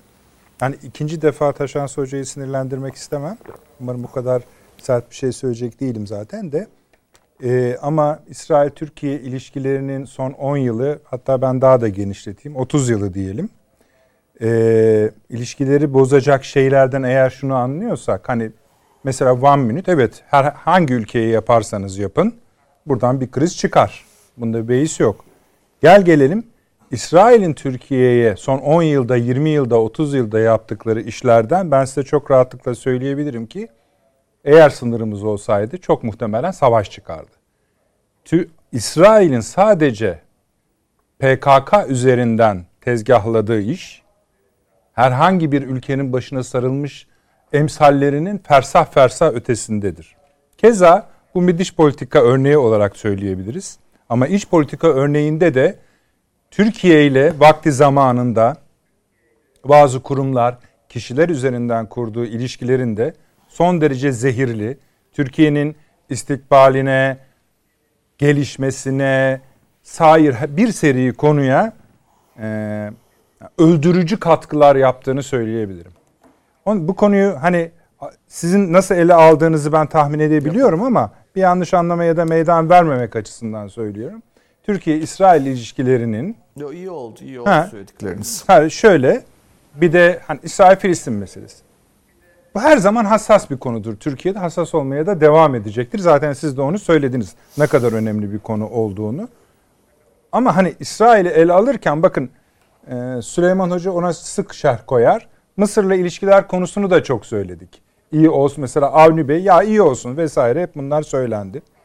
Ama işte olmadı. Ki mesela e, Avni Bey'in ya da diğer büyüklerimizin Mısır meselesini ele alırken her zaman ihtiyat kaydıyla söylediklerini biliyoruz. Diğer başka kanallarda, basın organlarında, yayınlarında neler nerelere kadar gitti işler. İşte gördünüz mü? İşte al gördük. Gördük hiçbir yere gitmedi. Belki Birleşik Arap Emirlikleri de öyle değildir. Belki İsrail de öyle değildir veya öyledir. Şunu kabul edebiliriz. Türkiye-İsrail ilişkilerinde bir iyileşme olacaksa bu fevkalade çıkarlara dayalı olacaktır. Yani aslında söylemek istediğim son derece soğuk bir temas olacaktır. Bir yere de varır varmaz bilmiyorum. Ama şundan eminim. Bu bölgede bir sorun varsa sadece Türkiye açısından bu bedene ait olmayan yani bütün Arap dünyasına, Orta Doğu'ya ait olmayan İsrail'dir. Doğal olarak Türkiye'ye de yani mesela şunu da söylediniz. Türkiye'nin İsrail üzerinden ABD'ye yürüse ne olacak? Allah aşkına. Yani bu konjonktürde gitse ne olacak? Neyse ayrı konular. Süleyman Hocam bir şey ekleyecekti herhalde. Şu, Buyurun. E, bir, bir şey söyleyeyim ben de Peki. müsaadenizle. Buyurun buyurun. Yani bu dediniz ya soğuk ilişkiler olacaktır, çıkar eksen ne olacaktır diye. Efendim uluslararası politika zaten böyle bir şeydir. Ama yani işte kucaklaşma, aşk, sevgi ilişkisi yoktur. Efendim Türkiye de öyledir. Yani biz şey miyiz, e, duygusal kararlar alan bir devlet miyiz? Estağfurullah. Yani bizim 2200 yılı geçti bir devlet geleneğimiz var. E, gayet de soğukkanlıdır Türkiye'de böyle konularda. Bunun istisna olduğu bir tane örnek vardır. O da Türklerin yaşadığı yerlerdir. Azerbaycan gibi, Kıbrıs gibi. Ama onun dışında hiç yani e, öyle duygusal e, kucaklaşmalara vesaire kimsenin ihtiyacı yok. E zaten öyledir. Çıkar çerçevesindedir. Öyle olmak durumundadır. Hocam buyurunuz. Bu şey soykırımla ilgili yasa meselesi var ya ee, evet, evet. İsrail'de. Evet. Şimdi aslında bence bu Taşansı Hoca'nın da söyledikleri önemli ölçüde benim söylediklerimle kesişiyor galiba. Örtüşüyor ya da ben öyle anladım. Ee, bu bu işin bence e, test edileceği nokta. Yani eğer şey olursa yani İsrail o oylama e, ne zaman yapılacak o bir süresi var mı acaba onu tam olarak ben de Ben bilmiyorum. de zamanını bilmiyorum zamanını ama bilmiyorum. 12. ayın içinde miydi? Galiba. Taşans hocam biliyor musunuz siz? Duydunuz mu yani? Ben de tam öyle duymadım. Yok. Ha, yani bu eli kulağında ve gösteriliyor bu. Yani bence oraya bakmak lazım. Eğer orada bunu biz reddediyoruz, kabul etmiyoruz. Tek soykırım bize yapılan soykırımdır falan gibi bir sonuç çıkarsa Bence oraya bağlamayın. Çıkartmayabilirler çünkü. Şartlar. çıkartmayacaklardır. Benim de ha, tahminim minimum. o. Evet evet. Tahminim o. Ama o noktaya kadar gerilimde tutacaklar. Yani şu an İsrail'in sürdürdüğü siyaset hakikaten Türkiye'ye karşı her konuda onu sorunlu hale getiren ne varsa orada Türkiye'nin karşısında yer almakta. Kategorik olarak. Yoksa e, demin tarihsel arka planını işaret etti e, Taşansı Hoca. Yunanistan'la yani Ortodoks Hristiyanlıkla Yahudiliğin anlaşması çok çok daha zordur. Çok ağır bir mesele, ağır meseleleri vardır. Tabii ki. Ha yani şimdi buna rağmen gidiyor oraya bakın. Yani Yunanistan'la birlikte e, tatbikatlar yapıyor. Hatta işte siz de saydınız yeni gene yapıyor. Tabii tabii. Ya bence şimdi Türkiye mümkün olduğu kadar gerip e, üstad der ya kulak memesi kıvamına getirmek e, şeyi ondan sonra o yumuşaklıkta mümkün olduğu kadar e, yaklaşmak Türkiye'ye. Şu an derdi Türkiye'ye yaklaşmak. Bunu da bu şekilde götürüyor izlenimini ediniyorum. Bakalım. Avni bir şey ekleyecek misin? Yok hayır. Yani benim Taşans Hoca'nın ve Süleyman Hoca'nın tespitlerine elbette katılıyorum. Senin söylediklerin var bu arada. Tabii Zaten bir tek bana. İsrail ilişki...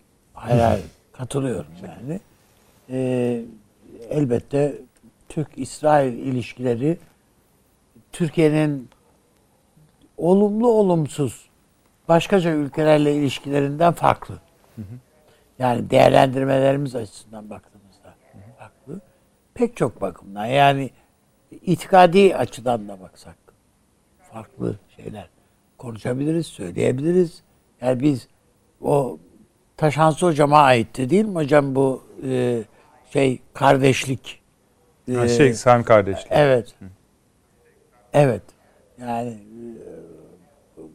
e, şeyi e, değerlendirmesi o kardeşliğe dahil değiliz biz biliyorsunuz. Evet yani Araplarla Yahudiler bu kardeşlik kapsamındadır yani. Biz onun dışında kalmış bir milletiz. Kardeş. Dolayısıyla yani onun için bizim o şeye dahil olmamız söz konusu değil.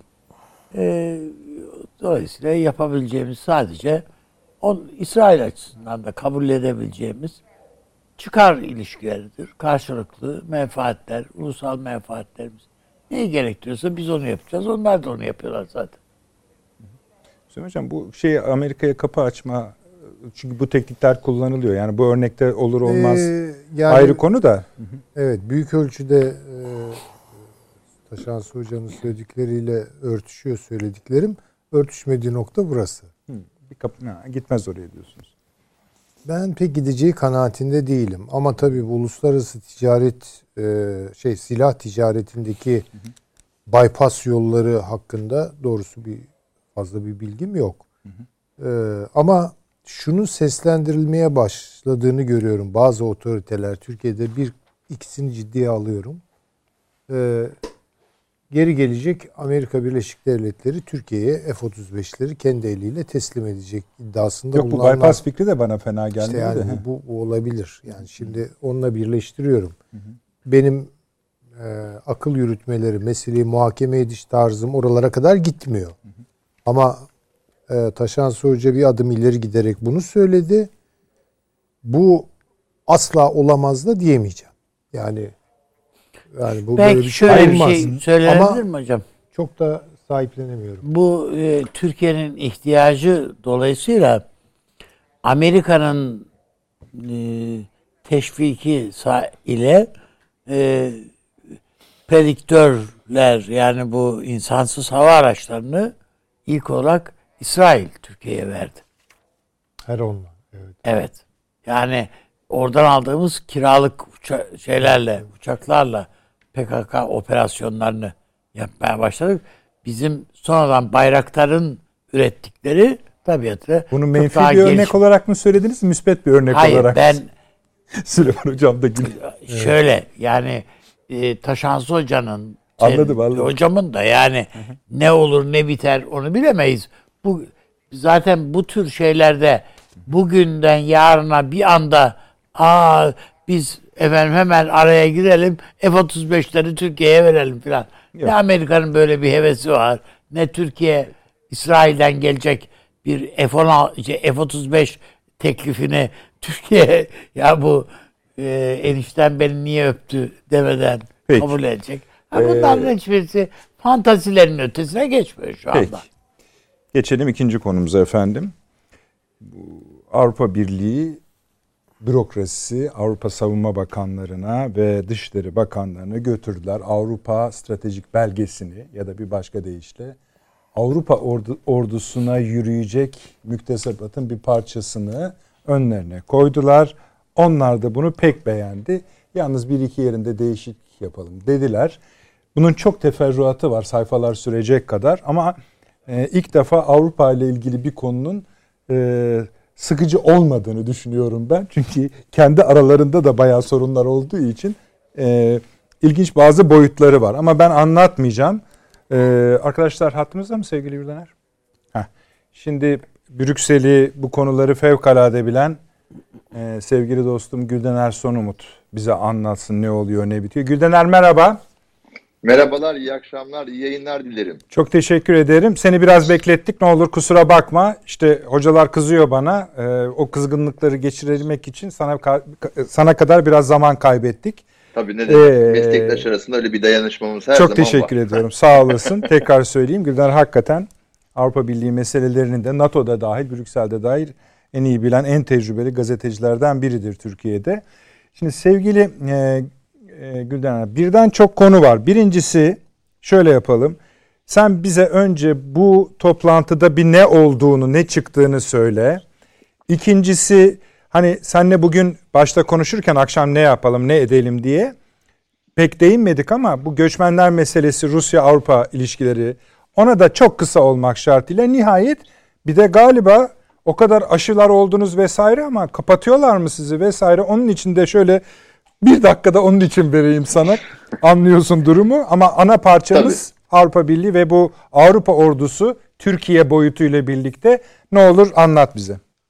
Tabii şimdi Mart 21'de, Mart 2021'de Avrupa Birliği'nin dış politika yüksek temsilcisi Josep Borrell e, bu Avrupa Birliği'nin stratejik otonomisi, bu işte otonomi e, özellikle Covid sonrası ülkelerin ve e, Avrupa Birliği'nin AB üye ülkelerin daha çok stratejik açıdan otonom olmaları için girişimde bulundu. Fransa'nın da bu tabii desteğiyle oldu bu mesele ve bu çerçevede Avrupa Birliği'nin savunma alanında da ABD'den bağımsız olacak, NATO'dan bağımsız olacak bir şekilde bir askeri yapıya kavuşması için bir çalışma başlattı.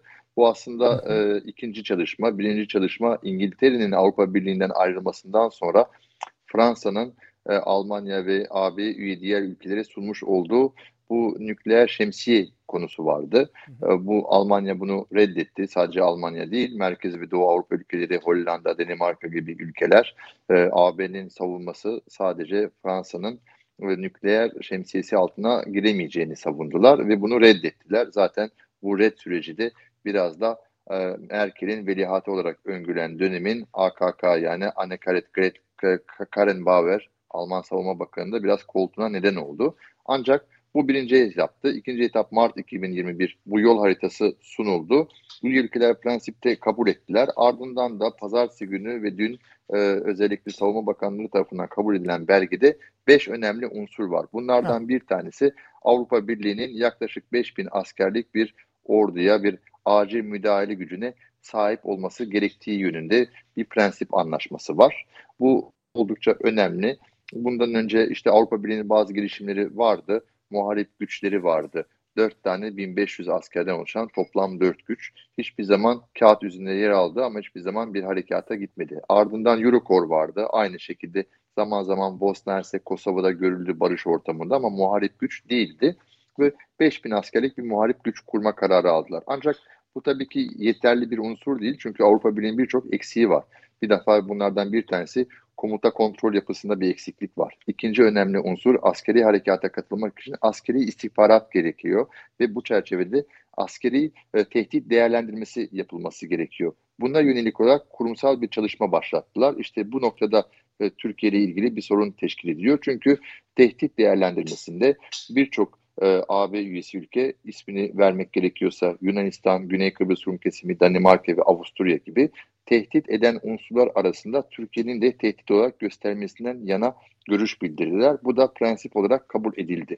Bu tehdit değerlendirme raporunun sonucunda her harekata katılırken ille de Türkiye'nin tehdit olabileceği intibasını yaratmıyor. Ancak e, NATO üyesi bir ülkenin, Avrupa Birliği'nin NATO üyesi bir ülkeyi de tehdit olarak gösterebilme imkanına hukuki ve idari açıdan zemin tanıyor. Bu sorun teşkil ediyor. İkinci önemli unsur ise Avrupa Birliği'nin zaman zaman otonom, zaman zaman AB imkan, NATO imkan ve yetenekleriyle harekat yapma imkanına sahip olmak istiyor. Bir taraftan NATO, NATO üyesi Türkiye'yi tehdit olarak göreceksiniz. Ee, NATO gibi Türkiye'nin üye olduğu bir kurumdan e, e, destek talep edeceksiniz. Diğer taraftan da onun önderliğinde harekat yapacaksınız. Bu sorun teşkil ediyor. Üçüncüsü de harekat alanıyla ilgili bir sıkıntı var. Çünkü henüz Avrupa Birliği ile NATO arasında e, harekat yapabilecek alanlarla ilgili bir e, ne prensip kararı alındı e, ne de e, resmi bir sınır belirlendi. Bunun Madrid'de yapılacak olan Cumhurbaşkanı e, Recep Tayyip Erdoğan'la katılacağı NATO zirvesine belirlenmesi, çerçevenin çizilmesi Hı. öngörülüyor. Ancak burada birçok ülke yine aşağı yukarı aynı ülkelere ek olarak medai ülkeler de var. E, Avrupa Birliği'nin işte e, Karadeniz'e, Ege'ye, Doğu Akdeniz'e müdahale olması ve buraya NATO'nun müdahil olmaması yönünde görüşleri yer alıyor. Bu da tabii Türkiye açısından son derece büyük bir sıkıntı teşkil ediyor. Şunu düşünmek gerekiyor. Ee, evet, tehdit değerlendirme raporlarında ulusal düzeyde Yunanistan e, ya da e, Rum kesimi, e, Avusturya, Danimarka, Türkiye'yi tehdit olarak gösterecek. Ancak bu tehdidin hakiki bir tehdit olarak algılanması için içeride bir mekanizma var. İşte Fransa olsun, İngiltere olsun, Hollanda olsun, Belçika olsun merak etmeyin herhangi bir şekilde e, bir ülkenin ya da iki üç ülkenin e, tehdit olarak algıladığı bir unsur tüm kurum tarafından tehdit olarak algılanmayacağı iddiasında bulunuyor ve Türkiye telkinde bulundular ama bunun bir garantisi maalesef yok. Buna çok dikkat etmek e, gerekiyor ve bu çerçevede bundan sonra Haziran 2022'ye kadar da Avrupa Birliği 5000 askerlik gücünü oluşturmaya çalışacak. İkincisi e, özellikle etki alanını ve coğrafi alanını tespit edecek. Üçüncüsü ise burada da bir sıkıntı yaşıyoruz. Avrupa Birliği bunu otonom olduğunu söylüyor ancak Amerika Birleşik Devletleri ikili anlaşma yaptı. Yani Avrupa Birliği e, ile Amerika stratejik işbirliği çerçevesinde askeri açıdan Washington yönetimi asker gönderebilecek, Kanada asker gönderebilecek, Norveç asker gönderebilecek. Türkiye'de PESCO çerçevesinde Avrupa Birliği'nin sevk ve idare ve istikam alanında işbirliği talebinde bulundu e, ve bu projenin önderi olan Hollanda'ya başvuruda bulundu. Hollanda prensipte kabul etti. Ancak şu anda Yunanistan, Avusturya ya da GKR gibi ülkeler bunu reddediyorlar. Yani Türkiye ile AB üye olmayan NATO'nun Avrupalı müttefikleriyle nasıl işbirliğinde bulunacağına yönelik olarak da kurumsal bir yapı pekala yok. Bu da bir sorun teşkil ediyor. Ama NATO kaynakları ve özellikle askeri kaynaklar da Avrupa Birliği'nin 5000 toplam askeri gücü, 5000 askerlik bir güç ile çok büyük bir harekat gerçekleştiremeyeceğini dile getiriyorlar. Sevk, idare, komuta, kontrol, istihbarat değerlendirme, askeri istihbarat gibi unsurlarda ve tehdit değerlendirmede çok büyük eksikleri bulunduğunu, ayrıca yine lojistik açıdan da sıkıntıları olduğunu ama bir şekilde Amerika Birleşik Devletleri Fransa arasında Avustralya'da ve Pasifik'te yaşanan bu denizaltı krizinden sonra Amerika Birleşik Devletleri biraz Fransa'ya bu konuda ilerlemesi için icazet verdi. 1 Ocak tarihinde de Fransa dönem başkanlığı başlıyor 2022'de. E, o dönemde de Fransa kendi dönem başkanlığı esnasında AB'nin stratejik otonomisine yönelik olarak bazı kazanımlar elde ettiğini ilan etmek istiyor. Bunu da en geç Mart 2022'ye kadar Güldener. dile getirmesi gerekiyor.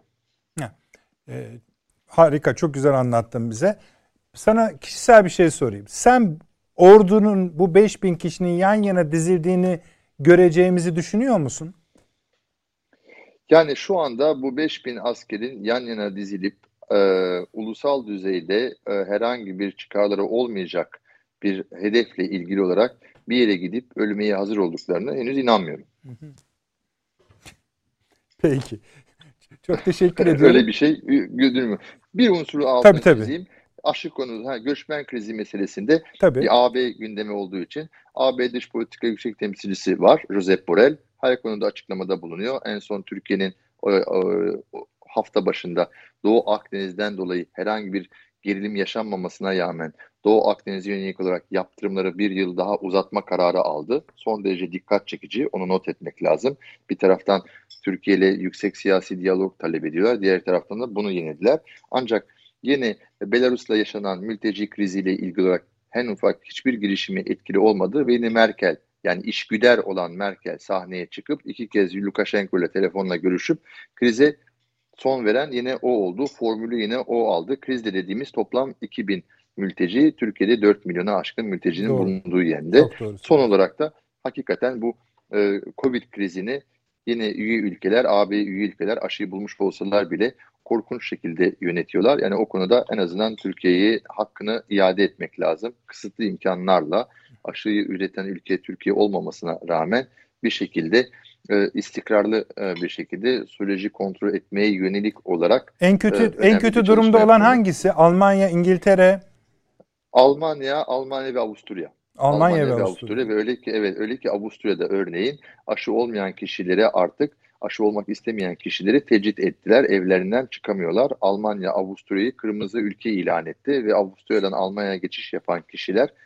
zoraki zoraki karantina uygulanacak. Almanya'da da günlük vaka 50 bine e, yaklaşmış durumda. Güldener çok teşekkür ediyorum. 10 dakikada Avrupa bu kadar anlatılırdı zaten. Onu da sen anlattın. Çok sağ ol. Çok teşekkür, Teşekkür ediyorum. ederim. İyi yayınlar dilerim. Çok sevgiler. Biz çok herkese. teşekkür ediyoruz. Selamlar. Evet Avni Bey, e, bu iddianızın ne olacağı konusunda hala yani bir resmi belge var artık ortada en azından. Bir takım resmi belgeler var. Siz ne düşünüyorsunuz? İlk önce tabii şeyi sorayım. Bu dört ülkenin bizi e, tehdit olarak stratejik belgeye ekletme arzusu. Ya illa bunu böyle söylemelerine gerek yok. Öyle görüyorlar. Hani bu kadar kuruma gerek yok diyorsunuz. yani yani. sırf bunu söylemek için de bu kadar Masrafa uzun anlaşma, 5000 kişiyi bir araya getirme. Sen kaç kaç kişi vereceksin? Almanya kaç kişi verecek? Ee, Fransa'na ka- kaç kişi verecek falan. Yani bütün bunlar falan oturup konuşacaklar. Şimdi e, Gülenay söyledi yani bu e, ölmeye hazır evet. insan. Bir ruh halinden bahsetti Ama aslında. önemli olan biz bunu şeyde gördük. Ee, Saraybosna çatışmalarında gördük. Ölmeye hazır değiller. Ama öldürmeye yani Müslümanı öldürmeye bunlar her zaman hazır olacaklar. Tabii. Değilse Bundan bile yol yana- açarlar yani. Bundan yana hiçbir şüphe, hiçbir tereddüt olmasın. Yani herhangi bir yerde bunlar müdahale gücü diyor zaten. Nereye müdahale edecek? İşte bu Hiç akla- şüpheniz olmasın ki yine bizim bizim gibi Müslüman ülkelerin e, e, Müslüman insanların yaşadığı coğrafyalara müdahale. Nedendi? Biz Müslü- Sırbistan'da Müslüman bir ordu istemiyorum dedi adam ya. Çıktı öyle değil mi? Hırvatistan'da. Yani bütün Müslümanları temizleyelim kardeşim. O kafa değişmiş değil. Bu bugün böyle, yarın da böyle olacak. Dolayısıyla onlarda bir değişiklik yok. Ha bunu yaparlar mı şu anda? İşte bunu benimserler mi falan. Bu kadar Türkiye işte nişan verdiydi, şuydu, buydu filan. Demek ki Merkel filan da bastı imzayı buna. E, kabul ettiler yani. Demek ki. Yani öyle bir şeyleri yok yani. Yani bu toplantıya Stoltenberg de katıldı NATO Genel Sekreteri.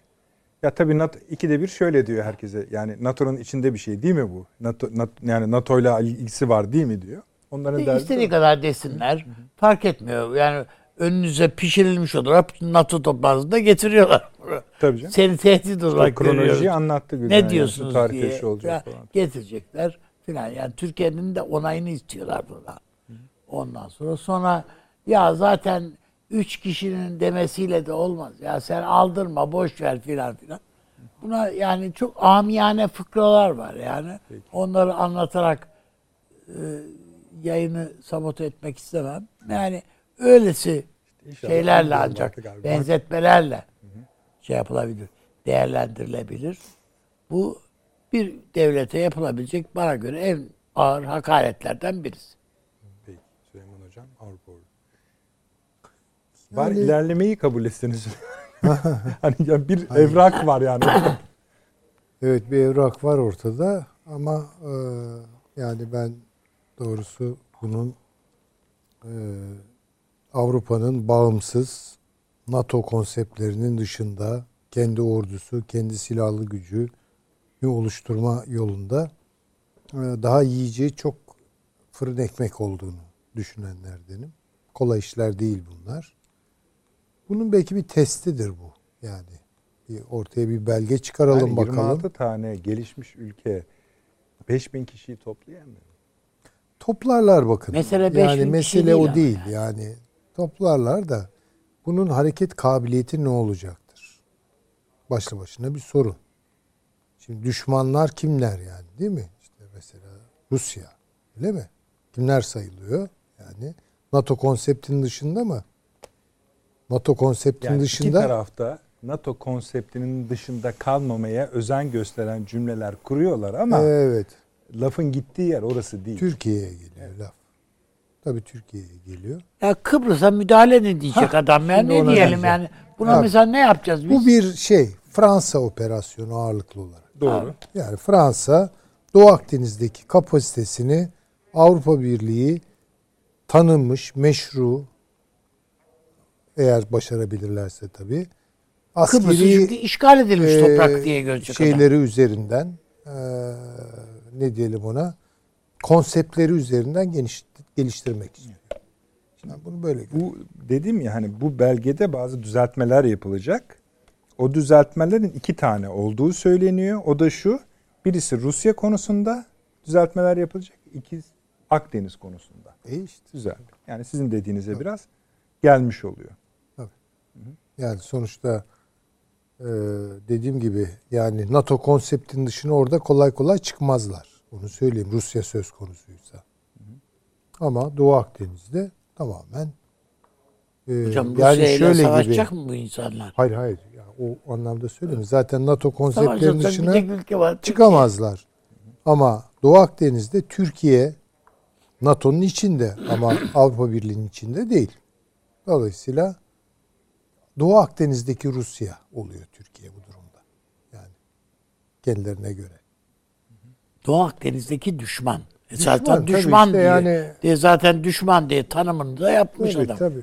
Yani, Yani tekrarlayalım neden NATO yani yüzde seksen parasını zaten yine şey ödüyor bu e, Avrupa'nın savunması parasını NATO ödüyor. Artı dört tane kuvvet var bu NATO yapısı içinde. Avrupa Birliği üyelerinin de hepsi içinde. Bunun üçünün yönetimi de bambaşka ülkelerde. Yani İngiltere'de, Kanada ve Kanada'da, Amerika'da vesaire. tabii tabii. Ee, öteki taraftan şöyle tartışmak da ne kadar doğru bilmiyorum. Yani bu ordu için ABD hedefleri ile AB'nin fiili kapasitesi arasındaki boşluk üzerinden çok duruyoruz. Ama Fransa gibi destekleyen ülkeler bunun artık olması gerektiğini politik sahiplerle söylüyorlar. Tabii tabii. Yani bırakın artık yeter falan diyerek. E, tabii, Ve tabii. tabii bu Rusya ile yakınlaşmayı da Zaten- getirecek bir şeye benziyor. PESCO en fazla e, Fransa tarafından dille getiriliyor. Yani bayraktarlığını yapan onlar. E, dediğim gibi ama e, bunu bir Türkiye bir kenara yazmalıdır tabii ki. Yani bugünden yarına kuvveden fiile geçer mi? Onu bilmiyorum. Ama Tam böyle yani bir doğrultu var. oturtulmuş olması öyle açıklamalar yaptılar. Şu şu tarihte bu olacak. Eylem olarak da bu tarihte bu olacak. Nihayet Fransa'nın liderliğindeki zirvede de bu iş artık hani bitirilecek şeklinde. Zaten şunu da söylüyorlar. Eğer bu seferde hani Gülden bahsetti ya daha önceki tarihlerde denenmişti diye. Bu seferde tutmaz ise Yani bu rezillik olur. Onun için bu yapılması gerekiyor dediler. Peki bunun e, hareket e, kabiliyetini e, veya ne bileyim mekanik taraflarını oluşturacak e, şartlar e, belirlenmiş oluyor mu bunun içinde? Onlar da sayılmış evet. Yani mesela diyelim ki Yani Belli Rusya'ya bir ama Afganistan'da biz bunu kullanırdık diyorlar. tamam kullanır da bundan sonrası için tutalım ki böyle bir şey oluşturdular. Ordu oluşturdular. 3000 kişi, Ha, yani 5000 o tabii Afganistan'da kim keşke mümkün olsa bundan sonra da mümkün esasında. Evet. Keşke kullansalar oraya bir gitseler. Bunu Yani o günleri görürüz inşallah. Estağfurullah. Bunu e, hangi şartlarda aktive edebilecekler? Mesela herhalde o bir sorun. e, operasyonel bir karar alma süreci var Tabii değil mi? Yetki kimde diyorsunuz olacak. Tabii tabii nasıl İlk- olacak yani ona bakmak işte lazım. Dönem dönem diyorlar. Şu üç kişinin elinde bulunsun diyorlar. İşte onları da tahmin edersiniz E, herhalde. işte bir Şimdi aynı soruları bir Taşans Tabii, hocama da soracağım ama yine reklam tabii. Bir reklama gidelim sonra Taşans hocamla bu soruları da soracağız efendim.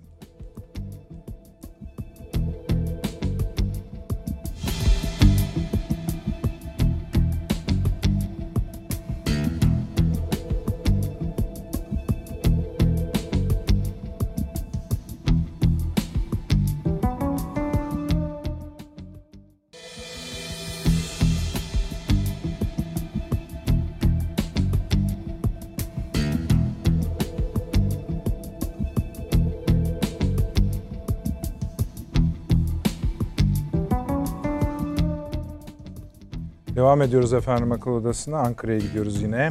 Profesör Doktor Taşans Türk Hoca bir Avrupa ordusu iyi olur diyecek mi bakalım bize. Daha doğrusu bu ordu işinin geldiği son aşamayı sizlerle paylaşmıştık. Bakalım o aynı yerde düşünüyor mu onu ya da bölge dengeleri açısından nasıl görüyor? Avrupa'nın kendi iş dengeleri açısından tabii. Taşans Hocam buyurunuz. Ee, sağ olun Nedret Bey. Şimdi biraz önce e, bir ekleme yaparken e, Türk devlet geleneği 2200 yılı geçti dedim. E, kara kuvvetlerinin tarihiyle başlattım fark ettiyseniz. Şimdi bizde bir şey var böyle her millet aynıdır diye bir yanılgı vardır. Yani sanki her millet aynı formasyonlarla oluşur, aynı paternlere sahiptir de sadece dilleri farklıdır, dinleri farklıdır, kültürleri farklıdır gibi öyle değil. Farklı yapılardır. Şimdi biz e, bize çok normal gelir e, Türk devletini e, Türk ordusu yaratmıştır. Ama dünyanın diğer yerlerinde böyle bir örnek göremezsiniz. Yani ordunun içinden çıkan bir devlet kavramı buraya hastır. Onu bir hatırlamak gerekir. Başka yerlere baktığınızda birincisi şunu söylemek lazım. Şimdi mesela Fransa'ya baktığınızda Fransız milleti de Fransız devleti de o e, marşlarında da söylendiği gibi yani daha sivildir. E, Sivil bir hareketle oluşmuştur. İngiltere'de aristokrasinin e, işte e, gelleri gitleri, kraliyetle olan ilişkileri, işte Cromwell e, devrini araya sokarsınız vesaire ama başka bir devlet geleneği vardır. Dolayısıyla ordu işi ciddi bir iştir. Yani ordu işi yan yana öyle e, 3-5 kişiyi koyduğunuzda ordu olmaz. Yani yan yana 5000 kişiyi koyduğunuzda da ordu olmaz. İsterseniz yan yana 500 bin kişiyi koyun. Yine ordu olmaz. Ordu bir ruhtur her şeyden evvel. Bu çok ciddi bir şeydir. Yani nasıl devlet için Hegel'in tanımladığı şey vardır ya bir ruhtur o. Yani ben gittim devlet kurdum. Mesela hani çok sevgili komşularımız Yunanistan gittiler devlet kurdular. Oldu mu o devlet sizce? Ya da Balkanlardaki bütün devletlere bakın. Yani hep bugüne dair, bugüne kadar yaşanan sıkıntılarda şunu görürsünüz. O devlet kurmak kolay bir iş değildir. Ya da Orta Doğu'ya bakın. Arap devletlerine bakın. Bugün yaşadıkları sıkıntıların hepsine dair dönerler Araplar şunu derler. Osmanlıların altında yaşadık da biz o yüzden yapamıyoruz, ondan olmuyor. Türkler kabahatli. Ya yani ne diyeyim herkes bir bahane bulmak zorunda tabii ki ama e, devlet kolay kolay kurulan bir şey değil. Ordu da aynen onun gibidir. Devlet gibidir. Dolayısıyla yan yana asker dizdim. Oldu bu iş. Olmaz o iş. Ya bunun emir komutası, dili, e, gelenekleri, ritüelleri ama bakın bunların hepsini oluştursanız bile dediğim gibi o ruhu oluşturmak çok çok zor bir şeydir. E, dolayısıyla hani bizim Türkler olarak e, kendimizde olan her şey, olan bir şeyi herkeste var zannetme yanılgısından kurtulmamız gerekiyor. Bu bizim ayrıcalığımızdır. Yani ordulaşabilmek, ordunun devletleşebilmesi bu, bu bize hastır, bizim özelliğimizdir. Şimdi efendim Fransız ordu kurabilir mi? Valla Fransız milli ordusunu kurmak bile Napolyon için büyük işti. Ne kadar kurabildi tartışmalıdır söyleyeyim. Yani Avrupa'nın diğer devletlerine baktığınızda işte Beethoven'ın 9. senfonisini hatırlayın. Napolyon için yazılmıştır o senfoni. Çünkü niye? Milli devletlerin milli orduları olacak. Mazzini'nin bahsettiği her millete bir devlet vesaire 19. asır bununla geçti Avrupa'da. Avusturya Macaristan İmparatorluğu'nun içinden çıkan devletler oldu mu gerçekten? Devlet oldu mu bunlar? Bunları bir tartışmak gerekir. Bu çerçevede ordu kavramına bakmak lazım. Ordu o anlamda hani e, çok zor bir şey. E, ben bunu gerçekleştirebilecekleri kanaatinde değilim bu genel çerçeve içinde. Daha teknik düzeyde baktığınızda efendim işte pusulasını yazar, efendim ritüelini yazar, kararnamelerini çıkarır, genelgeler çıkar onun içinde vesaire. E, bunun dili ne olacak bir defa? Emir komuta dili ne olacak? Brexit'le Avrupa Birliği'nden çıkan Britanya'nın dili olan İngilizce ile mi anlaşacaklar? Komik değil mi? Yani hakikaten komik olur öyle bir şey yapacak olurlarsa eğer. Başka bir sıkıntı, e, siz bunda oy birliği mi arayacaksınız operasyonlarda, oy çokluğu mu arayacaksınız? Avrupa Birliği e, bunu oy çokluğuna çevirmeye çalıştı anayasa işlerinde. Onda bile beceremedi. Ordu işi çok başka bir şeydir. Bakın can vermek başka bir iştir. Can verecek genç bulmak başka bir şeydir. Ve bunun için evet. bir motivasyon, bu çok başka bir şeydir. Bunlar yani öyle kolay kolay yapılacak işler değil. Ancak burada daha teknik olarak şunu söylemekte fayda görürüm. Efendim Almanya bu işe ayak sürür. Almanya bu işe eklemlenmez. Yani dışında da kalmak istemez ama Almanya bu işi içeriden baltalar söyleyeyim size baştan. Çünkü Almanya eninde sonunda devlet yapısı itibariyle Nürnberg yargılamalarından beri Amerikan devlet yapısının izin vermediği bir e, alternatif sisteme geçit verebilecek bir özelliğe sahip değil. Geri kalan devletlere baktığınızda da bunu görürsünüz. Peki bu işi kim önünü alıyor? Hep söyledik bu programda. Bu işin e, hayalini kuran kişi Macron. Efendim bu işin e, Avrupa Birliği hayalini kuran başka bir tane işte Korsikalı Napolyon'du. E, o da öyle yani Fransızların böyle bir Avrupalılık kimliği yaratma hevesleri hep olmuştur. Fransa'yı da aşan yani Fransız milli ordusunu kurar. Ordu ulus der Napolyon. Diğer uluslara da aynısını vaat eder ama büyük bir Avrupalılık şemsiyesi vesaireyi de söylemeyi ihmal etmez. Çünkü büyük büyük laflar söylemeden diğer ulusları peşinize takamıyorsunuz dünyada. Modern dönemin ger- gerçeği budur. Nasıl Sovyetler Birliği peşine taktı diğer ulusları? Kısmen zor yoluyla ama onlara bir şey vaat etti. Sosyalizm dedi bir evrensel vaatte bulundu. Bakın evrensellik böyle önemli bir şeydir. Evrensel bir vaatte bulunabilmek, cazip bir vaatte bulunabilmek. Onun karşısında Amerika ne dedi? İdeolojiyi falan geçin dedi. Ben size tüketim veriyorum. İnsanlık tüketimi tercih etti. Yani dolayısıyla Avrupalılık kimliği vesaire bunlar işte e, Erasmus'la oraya gideyim buraya gideyim diyen gençler için kısmen bir dönem geçerli olabilir ama bir yerden sonra tıkanır. Şimdi burada Önemli olan hani Güldener Bey'e de e, aslında başta teşekkür etmek isterim ama reklam girince araya pat diye konuya girdim. Hakikaten özlediğimiz bir gazetecilik örneğiydi. Yani 10 dakika içinde böyle bu kadar net, rafine gerçekten sağ olsun var olsun ağzına sağlık. E, burada hani çok önemli bir konunun altını çizdi zaten. NATO ve Avrupa Birliği'nin e, savunma stratejilerinin çelişmesi. Ya bu gerçekten hani Türkiye'nin kolay kabul edebileceği bir şey değil. E, Türkiye buna çok sert tepki verecektir diye düşünüyorum ben. Yani e, buna e, gerçekten en üst perdeden tepki verilmesi gerekir. Siz e, e Avrupa Birliği'nin e, üye adayısınız. Yani adaylık statünüz devam ediyor. NATO üyesisiniz ama tehdit olarak tanımlanıyorsunuz. NATO ile işbirliği yapacak Avrupa askeri gücü. E, NATO üyesi Türkiye'nin NATO'da veto hakkı var ve Türkiye tehdit. Ya şimdi buna gerçekten buna kargalar güler. Bu e, işlerliği olabilecek bir sistem değil. Ve orada çok önemli bir husus e, daha da teknik bir konuya ineyim. Fransa'nın mesela bayrak rengini değiştirdiğine dair haberler geldi işte geçen hafta. Evet. Böyle bir magazin haberi olarak baktı insanlar buna. Halbuki çok önemli bir haberdi. Açık maviden laciverte değil mi? E, yet, evet, 70'li yıllarda Avrupa Birliği ile uyum için Fransa kendi bayrağındaki laciverti açık maviye çevirmişti. Ve herhangi bir karar olmadan vesaire çok böyle kendiliğinden gelişen 76. bir süreçti. Devlet başkanı kararıyla oluşu vermişti. 76'dır doğrudur. Ee, yanlış hatırlamıyorsam Giscard d'Estaing dönemi doğru, olsa doğru, gerek. doğru. Yani o Avrupalılık kimliğinin altını çiziyordu. Şimdi ise Macron'un bunu laciverte çevirmesi bakın nasyonalizasyondur. Yani siz bir yandan Avrupa Birliği ordusu kuracağım diyorsunuz, bir yandan da Avrupa Birliği mavisinden Fransız mavisine, Azur mavisine çeviriyorsunuz bayrağınızdaki maviyi. Yani şimdi bunu e, Kieslowski'nin o ünlü güzel filmidir ya Bleu, mavi, üçlemenin kırmızı, beyaz ve mavinin e, mavisinin e, şeyi e, direktörü, rejisörü Kieslowski'ye bunu nasıl anlatırız? Ya bu özgürlüktü ya mavi. Mavi özgürlüktür. Avrupa'nın insanlığa en büyük hediyesidir özgürlük kavramı. Eşitlik ve kardeşlik değildir bakın. özgürlük yani eşitlik rengi. çünkü Sovyetler Birliği tarafından alındı. Ee, kırmızıdır eşitliğin rengi. Sosyalistlerin rengiydi. Onu Sovyetler Birliği parselledi. Beyaz aristokrasinin rengidir. Kardeşliği ifade eder. Ee, onu e, şey nedir onun adı? İngiltere zaten bunların elinden almıştı. Ama Avrupa'nın insanlığa verdiği en büyük hediye özgürlüktür.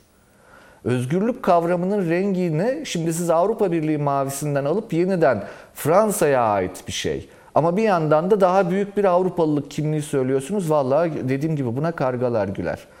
Daha teknik başka bir konu işin Doğu Akdeniz boyutu. Şimdi bakın bizim e, yani bazı şeyleri söylememiz gerekiyor. Annan planında Türkiye tarafı, Türk tarafı evet dedi plana. Yes be annemler uçuşuyordu o arada hatırlayacaktır Evet, herkes. Rauf Denktaş Bey'i rahmetliyi de e, epeyce bir kırdık incittik. E, Rum kesimi hayır dedi. Ama buna rağmen Avrupa Birliği'nin üyesi oldu Rum kesimi. Ya Türkiye yeterli tepkiyi verdi mi o dönemde buna? Bakın ardından bu gelir. Şimdi Avrupa Birliği'nin toprağı sayılan Güney Kıbrıs'ta adam diyor ki ben buranın Kıbrıs bütünsel statüs çerçevesinde askeri bir plan iddia ederim dediği anda bakın bu ciddi bir risktir. Türkiye'nin bugünden bunlara ben cevap vereceği kanaatindeyim ve sert bir cevap vereceği kanaatindeyim. Şimdi e, Avni Bey Üstadım hatırlattı. Çok mühim bulurum ben bunu. Efendim özgürlük, mavi dedim ya aman ne güzel vesaire. Evet insanlık için bunu mutlaka bizim elde tutuyor olmamız lazım. En çok biz sahipleniriz öyle söyleyeyim. Ama bazı gerçekleri de görmeyecek değiliz. Yani adam mavi der, özgürlük der, kırmızı der, eşitlik der, beyaz der, kardeşlik der ama döner ondan sonra ben Avrupa'da Müslüman istemiyorum der. Bosna Hersek'te Srebrenica'yı yaşatır. Bizim bunları unutmamamız gerekiyor. Bakın Balkanların Müslümansızlaştırılması, Balkanların Türksüzleştirilmesi düşüncesinin Avrupa'nın bilinçaltında değil, bilincinin derinlerinde çok sağlam, sağ, sıhhatli ve zinde olduğunu hatırlıyor olmamız gerekir. Balkanların Türksüzleştirilmesinden sonraki aşamada Anadolu'nun Türksüzleştirilmesidir. Yani bundan vazgeçmez. Yani şöyle düşünmeyelim ne olur. Biz e, Türkler böyle e, yani kendi aramızda konuşurken devlet öyle yapmaz. Fakat kendi aramızda konuşurken çabuk unutuyoruz. Batılı aklın temeli idefix üstüne kurulu olmasıdır. Sabitleri vardır batılı aklın. Bir defa bir cümleyi kurduktan sonra ondan geri adım attıramazsınız. Dolayısıyla Balkanlardaki Türk ve Müslüman varlığı ve bakın ne diyorum oradan gelir Anadolu'daki Türk ve Müslüman varlığı onun için Doğu Akdeniz'i hedef olarak belirler. Evet. Şimdi yani bunları e, Türklerin de hatırlaması gerekiyor. Yani e, bunları böyle ben hatırlıyorum işte böyle şeyler söylediğimiz zaman efendim bunun adı paranoya deniyordu Türkiye'de. Ya iyi ki paranoyakmışız. İyi ki paranoyaklarımız varmış Türkiye'de e, diyeyim ben de. Ancak paranoyayla paranoya paranoyak olmanız takip edilmediğiniz anlamına gelmediği gibi devamlı da takip edildiğinizi kendinize hatırlatarak yaşayamazsınız. Takip edildiğinizi bileceksiniz ve fakat yeri geldiği zaman yapıcı adımlarla e, bunun önünü kesmeyi de bileceksiniz. Türk devletinin bugüne kadar burada tutunabilmiş olmasının, başarısı, sırrı budur zaten. Tanzimattan beri biz bunu yapıyoruz. Yani şey değil böyle nedir onun adı? E, efendim böyle yeni öğrenilen şeyler falan değil. E, Türk devletinin böyle bir müktesebatı vardır Tanzimat'tan bu yana. E, dolayısıyla e, bu gerçekler çerçevesinde e, bir şekilde Avrupa ordusuna e, ve o fikriyata bakmak lazım. Orada bir şey daha ekledi Güldener Bey. Çok kıymetli buluyorum. Göç hususu. Bakın Türkiye'de 4 milyon göçmen var şu an resmi rakamlara göre. Bugün Sayın Savunma Bakanı açıkladı. 9 milyon Suriyelinin ihtiyaçlarını gideriyor bu ülke. Bakın efendim 4 milyon, 9 milyon geçin bunları. 400 bin, 400 bin göçmen Avrupa'yı yerinden eder. Avrupa diye bir şey kalmaz. İç harp yaşanır orada. Yani faşizmin alasını görürsünüz. Gerçekten hani böyle efendim artık faşizm olur mu bu çağda deniyor ya olur olur öyle bir olur ki hem de. Çünkü var. Genlerinde var.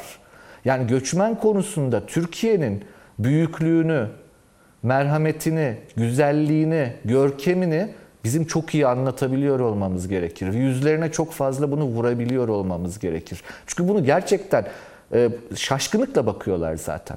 Mesela bugün bir haber verdi. Bir Hollandalı gazeteciyi e, Türk ajanı olmakla suçlamış Yunanlılar ve taşlamış. Sebep şu Hollandalı gazeteci basın toplantısında evet, evet, Yunanistan'da diyor ki siz göçmenleri geri ittiriyorsunuz ya öyle mi değil mi diyor. Bakın soruyu sorduğunuz anda bile. İttiriyorlar görmedik mi görüntüleri? İnsanların botlarını delip ölüme terk etmiyorlar mı çoluk çocuk Peki Ege'de? hocam. Bu yaşanmıyor mu?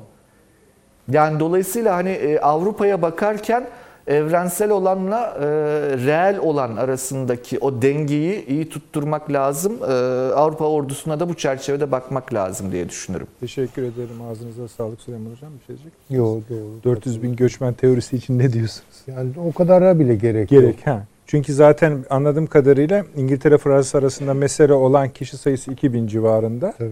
Polonya'daki de biraz daha fazlası elbette daha 2000 değil tabii de. Dediğiniz gibi 100 bin de olabilir yani o rakam. Öyle yapalım. Peki. Yani bizim feodal bir tarihimiz olmadı. Hı hı. Bunu bir tarihsel talih olarak görürüm ben de. Peki.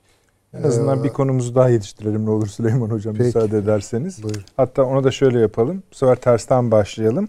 Bu konu konuştuğumuz bir konu ama şöyle bir durum var. Şimdi Taşansı Hocam iki yerde Yunanistan bu yani dede ağacı vesaireyi konuştuk, bağladık. Bizim açımızdan bir sorun yok ama son dönemde işte siz de bahsettiniz bu şeyler bile Balkanlardaki olaylar ve Avrupa Birliği ordusu içinden bile aynı şeyleri devam ettiriyorlar. Hadi o da önemli değil. Şimdi iki yerde tatbikat yapıyorlardı. Trakya ve Ege'de. Bunları biz kendi üzerimize alırız. Almayız diye bir şey yok. Yani bizedir bu diye. Almamızda hiçbir sakınca yok. Daha büyük çerçeveler olmasına rağmen. Şimdi bir Akdeniz'de de yaptılar. Yapıyorlar daha doğrusu. Böylece bir çember oluşuyor. Türkiye'de işte bugün Ege'de bir Navtex ilan etti. Şimdi bunlara biz farklı anlam yüklemeyelim diyoruz. Ee, ulusal güvenlik yükler zaten bu anlamı ama büyük çerçeve dışında siz yeni şeyler algılıyor musunuz bu yeni e, hareketlilikte? Ee, yani yeni yeni bir şey söyleyemeyeceğim Nedret Beyaz ama yani bu programda tekrar ettiğim bir şey söylemekte fayda görürüm. Yani bu savunma hatlarıyla alakalı bir şey bu. Yani e, Ege'den e, başlayıp e, efendime söyleyeyim İskeçe işte Dede Ağaç üzerinden bir şekilde bir hat nereye kadar? Baltığa kadar çıkıyor. Bunu göre, gö, gözlemliyoruz zaten. Şimdi bu hat önemli bir hat. Yunanistan'daki ABD Büyükelçisi geçen hafta e, bir açıklama yaptı biliyorsunuz. Şöyle dedi, biz boğazları bypass ettik dedi.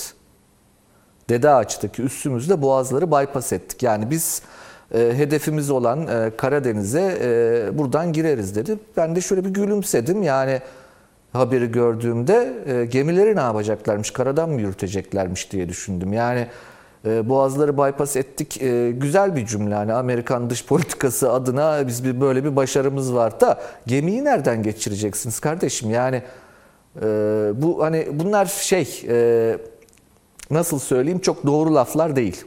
Bunlar abartı şeyler. Ancak burada açık olan bir şey var. Şimdi biraz önce ordudan bahsettim ya. Ordular, devletler, evet. milletler ilişkisinden. Amerika'daki Pentagon'u hiç küçümsemeyin. Yani yok, Amerika yok, e, evet doğrudur. Sivil inisiyatiflerle kurulmuştur. E, fakat e, yani Eisenhower'ın o ünlü cümlesi hiç yani akıllardan çıkarılmaması gereken bir cümledir. Biliyorsunuz yani Eisenhower Amerikan rüyasını yaratan başkandır. Görevi terk ederken gazeteci soruyor. Başaramadığınız bir şey oldu mu diyor. Evet diyor bir şey. Tek bir şey oldu başaramadım. Askeri ekonomik kompleksin ne olduğunu bile anlayamadım diyor. Bakın bırakın onunla baş etmeyi ne olduğunu bile anlayamadım diyor. Şimdi bunu söyleyen Eisenhower.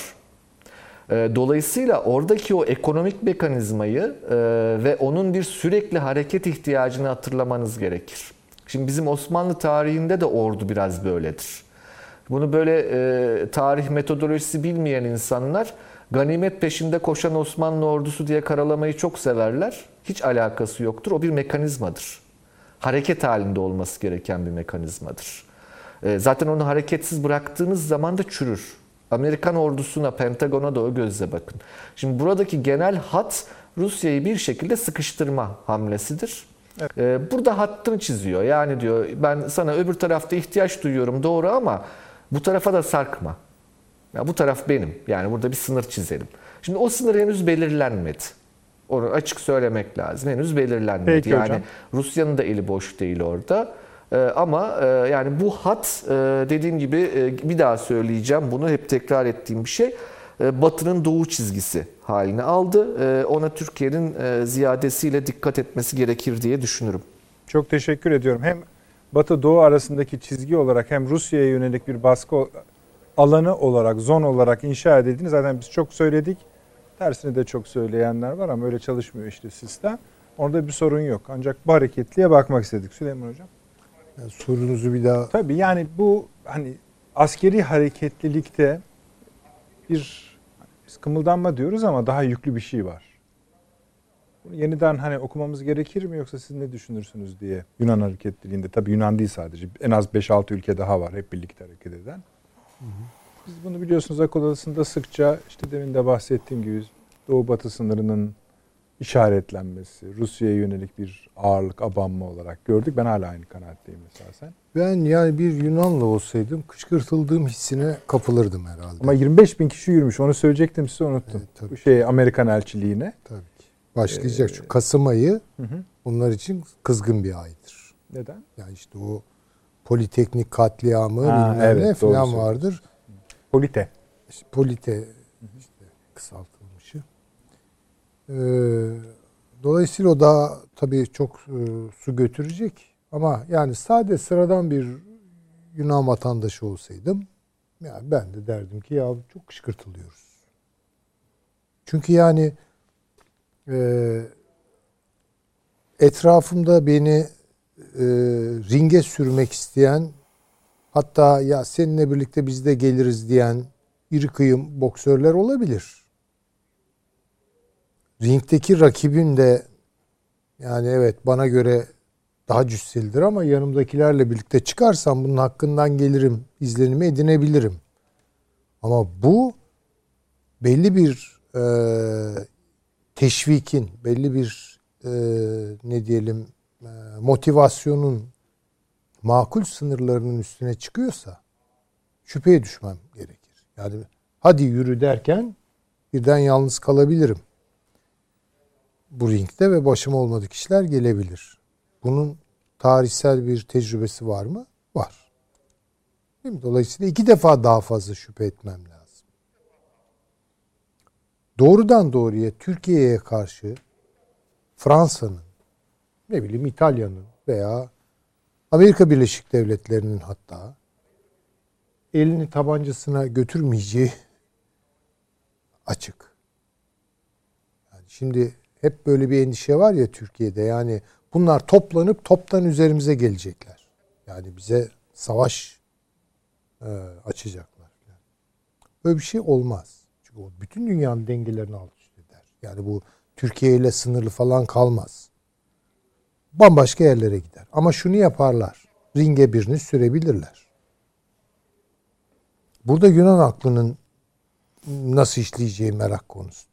Yani onu de, yani deneyelim demeye ikna ederler diyorsunuz. Edebilirler. O yani, gücü gösterirler. Yani edebilirler ama herhalde Yunanistan'da da bir miktar akıl var. İşte bu 25 bin kişi yürüdüyse yarın bu daha da büyüyebilir. Yani bunda e, Mitsotak şeyi düşünsün, başbakanları düşünsün. E, bu iki tarafı da bence yıpratıp çünkü bu, bu savaş nafile bir savaş olur. Tabii yani canım. çok korkunç bir şey olur. Yani, iki, yani bu bunun teorisini yapmak falan oyun kurmak bu konuda bir e, oyun e, geliştirmek ayrı bir şeydir. Kuvveden fiile gelirse iş yani onun bir duş etkisi vardır yani. Onun için orada işlerin biraz daha bence kontrol altında gideceği kanaatindeyim. Kontrolden çıkarsa e, o zaman tabii ki yapılacak bir şey yok. Yani orada Yunanistan hiç önemli değil. Onu söylüyorum. Tabii, Şimdi tabii. demin Taşan Hoca'nın dediği Yunanistan doğru. içeriden bunu durdurabilir ama hani motivasyonu kesecek bir şey yapacağını ben Ben Yunan kamuoyuna güvenirim. Açık söyleyeyim. Bakın güvenirim. Rüştünü ispatlamış bir kamuoyudur. Eyvallah. Ama Darbelerden Yunan diyorsun. tabii ki. Yunan siyasetçilerine, siyasi kadrolarına, siyaset sınıfına güvenmem. Yani Bunu net olarak koymak lazım. Çünkü bunlar demin gayet güzel söyledi. Hani komedi, stand-up komedilerde de geçiyor ya. Yani biz bunu yaptık ama olmadı diye çocuklar için bazen söyleniyor ya yani. Bunu yaptık ama olmadı. Evet. E, bunlar bir devlet kurdu ama olmadı. Yani bu açık. Onun için böyle çok kullanılmaya müsait adamlardır bunlar. Yani onu Avni Bey. risk olarak görüyorum. Belki o bir Evet.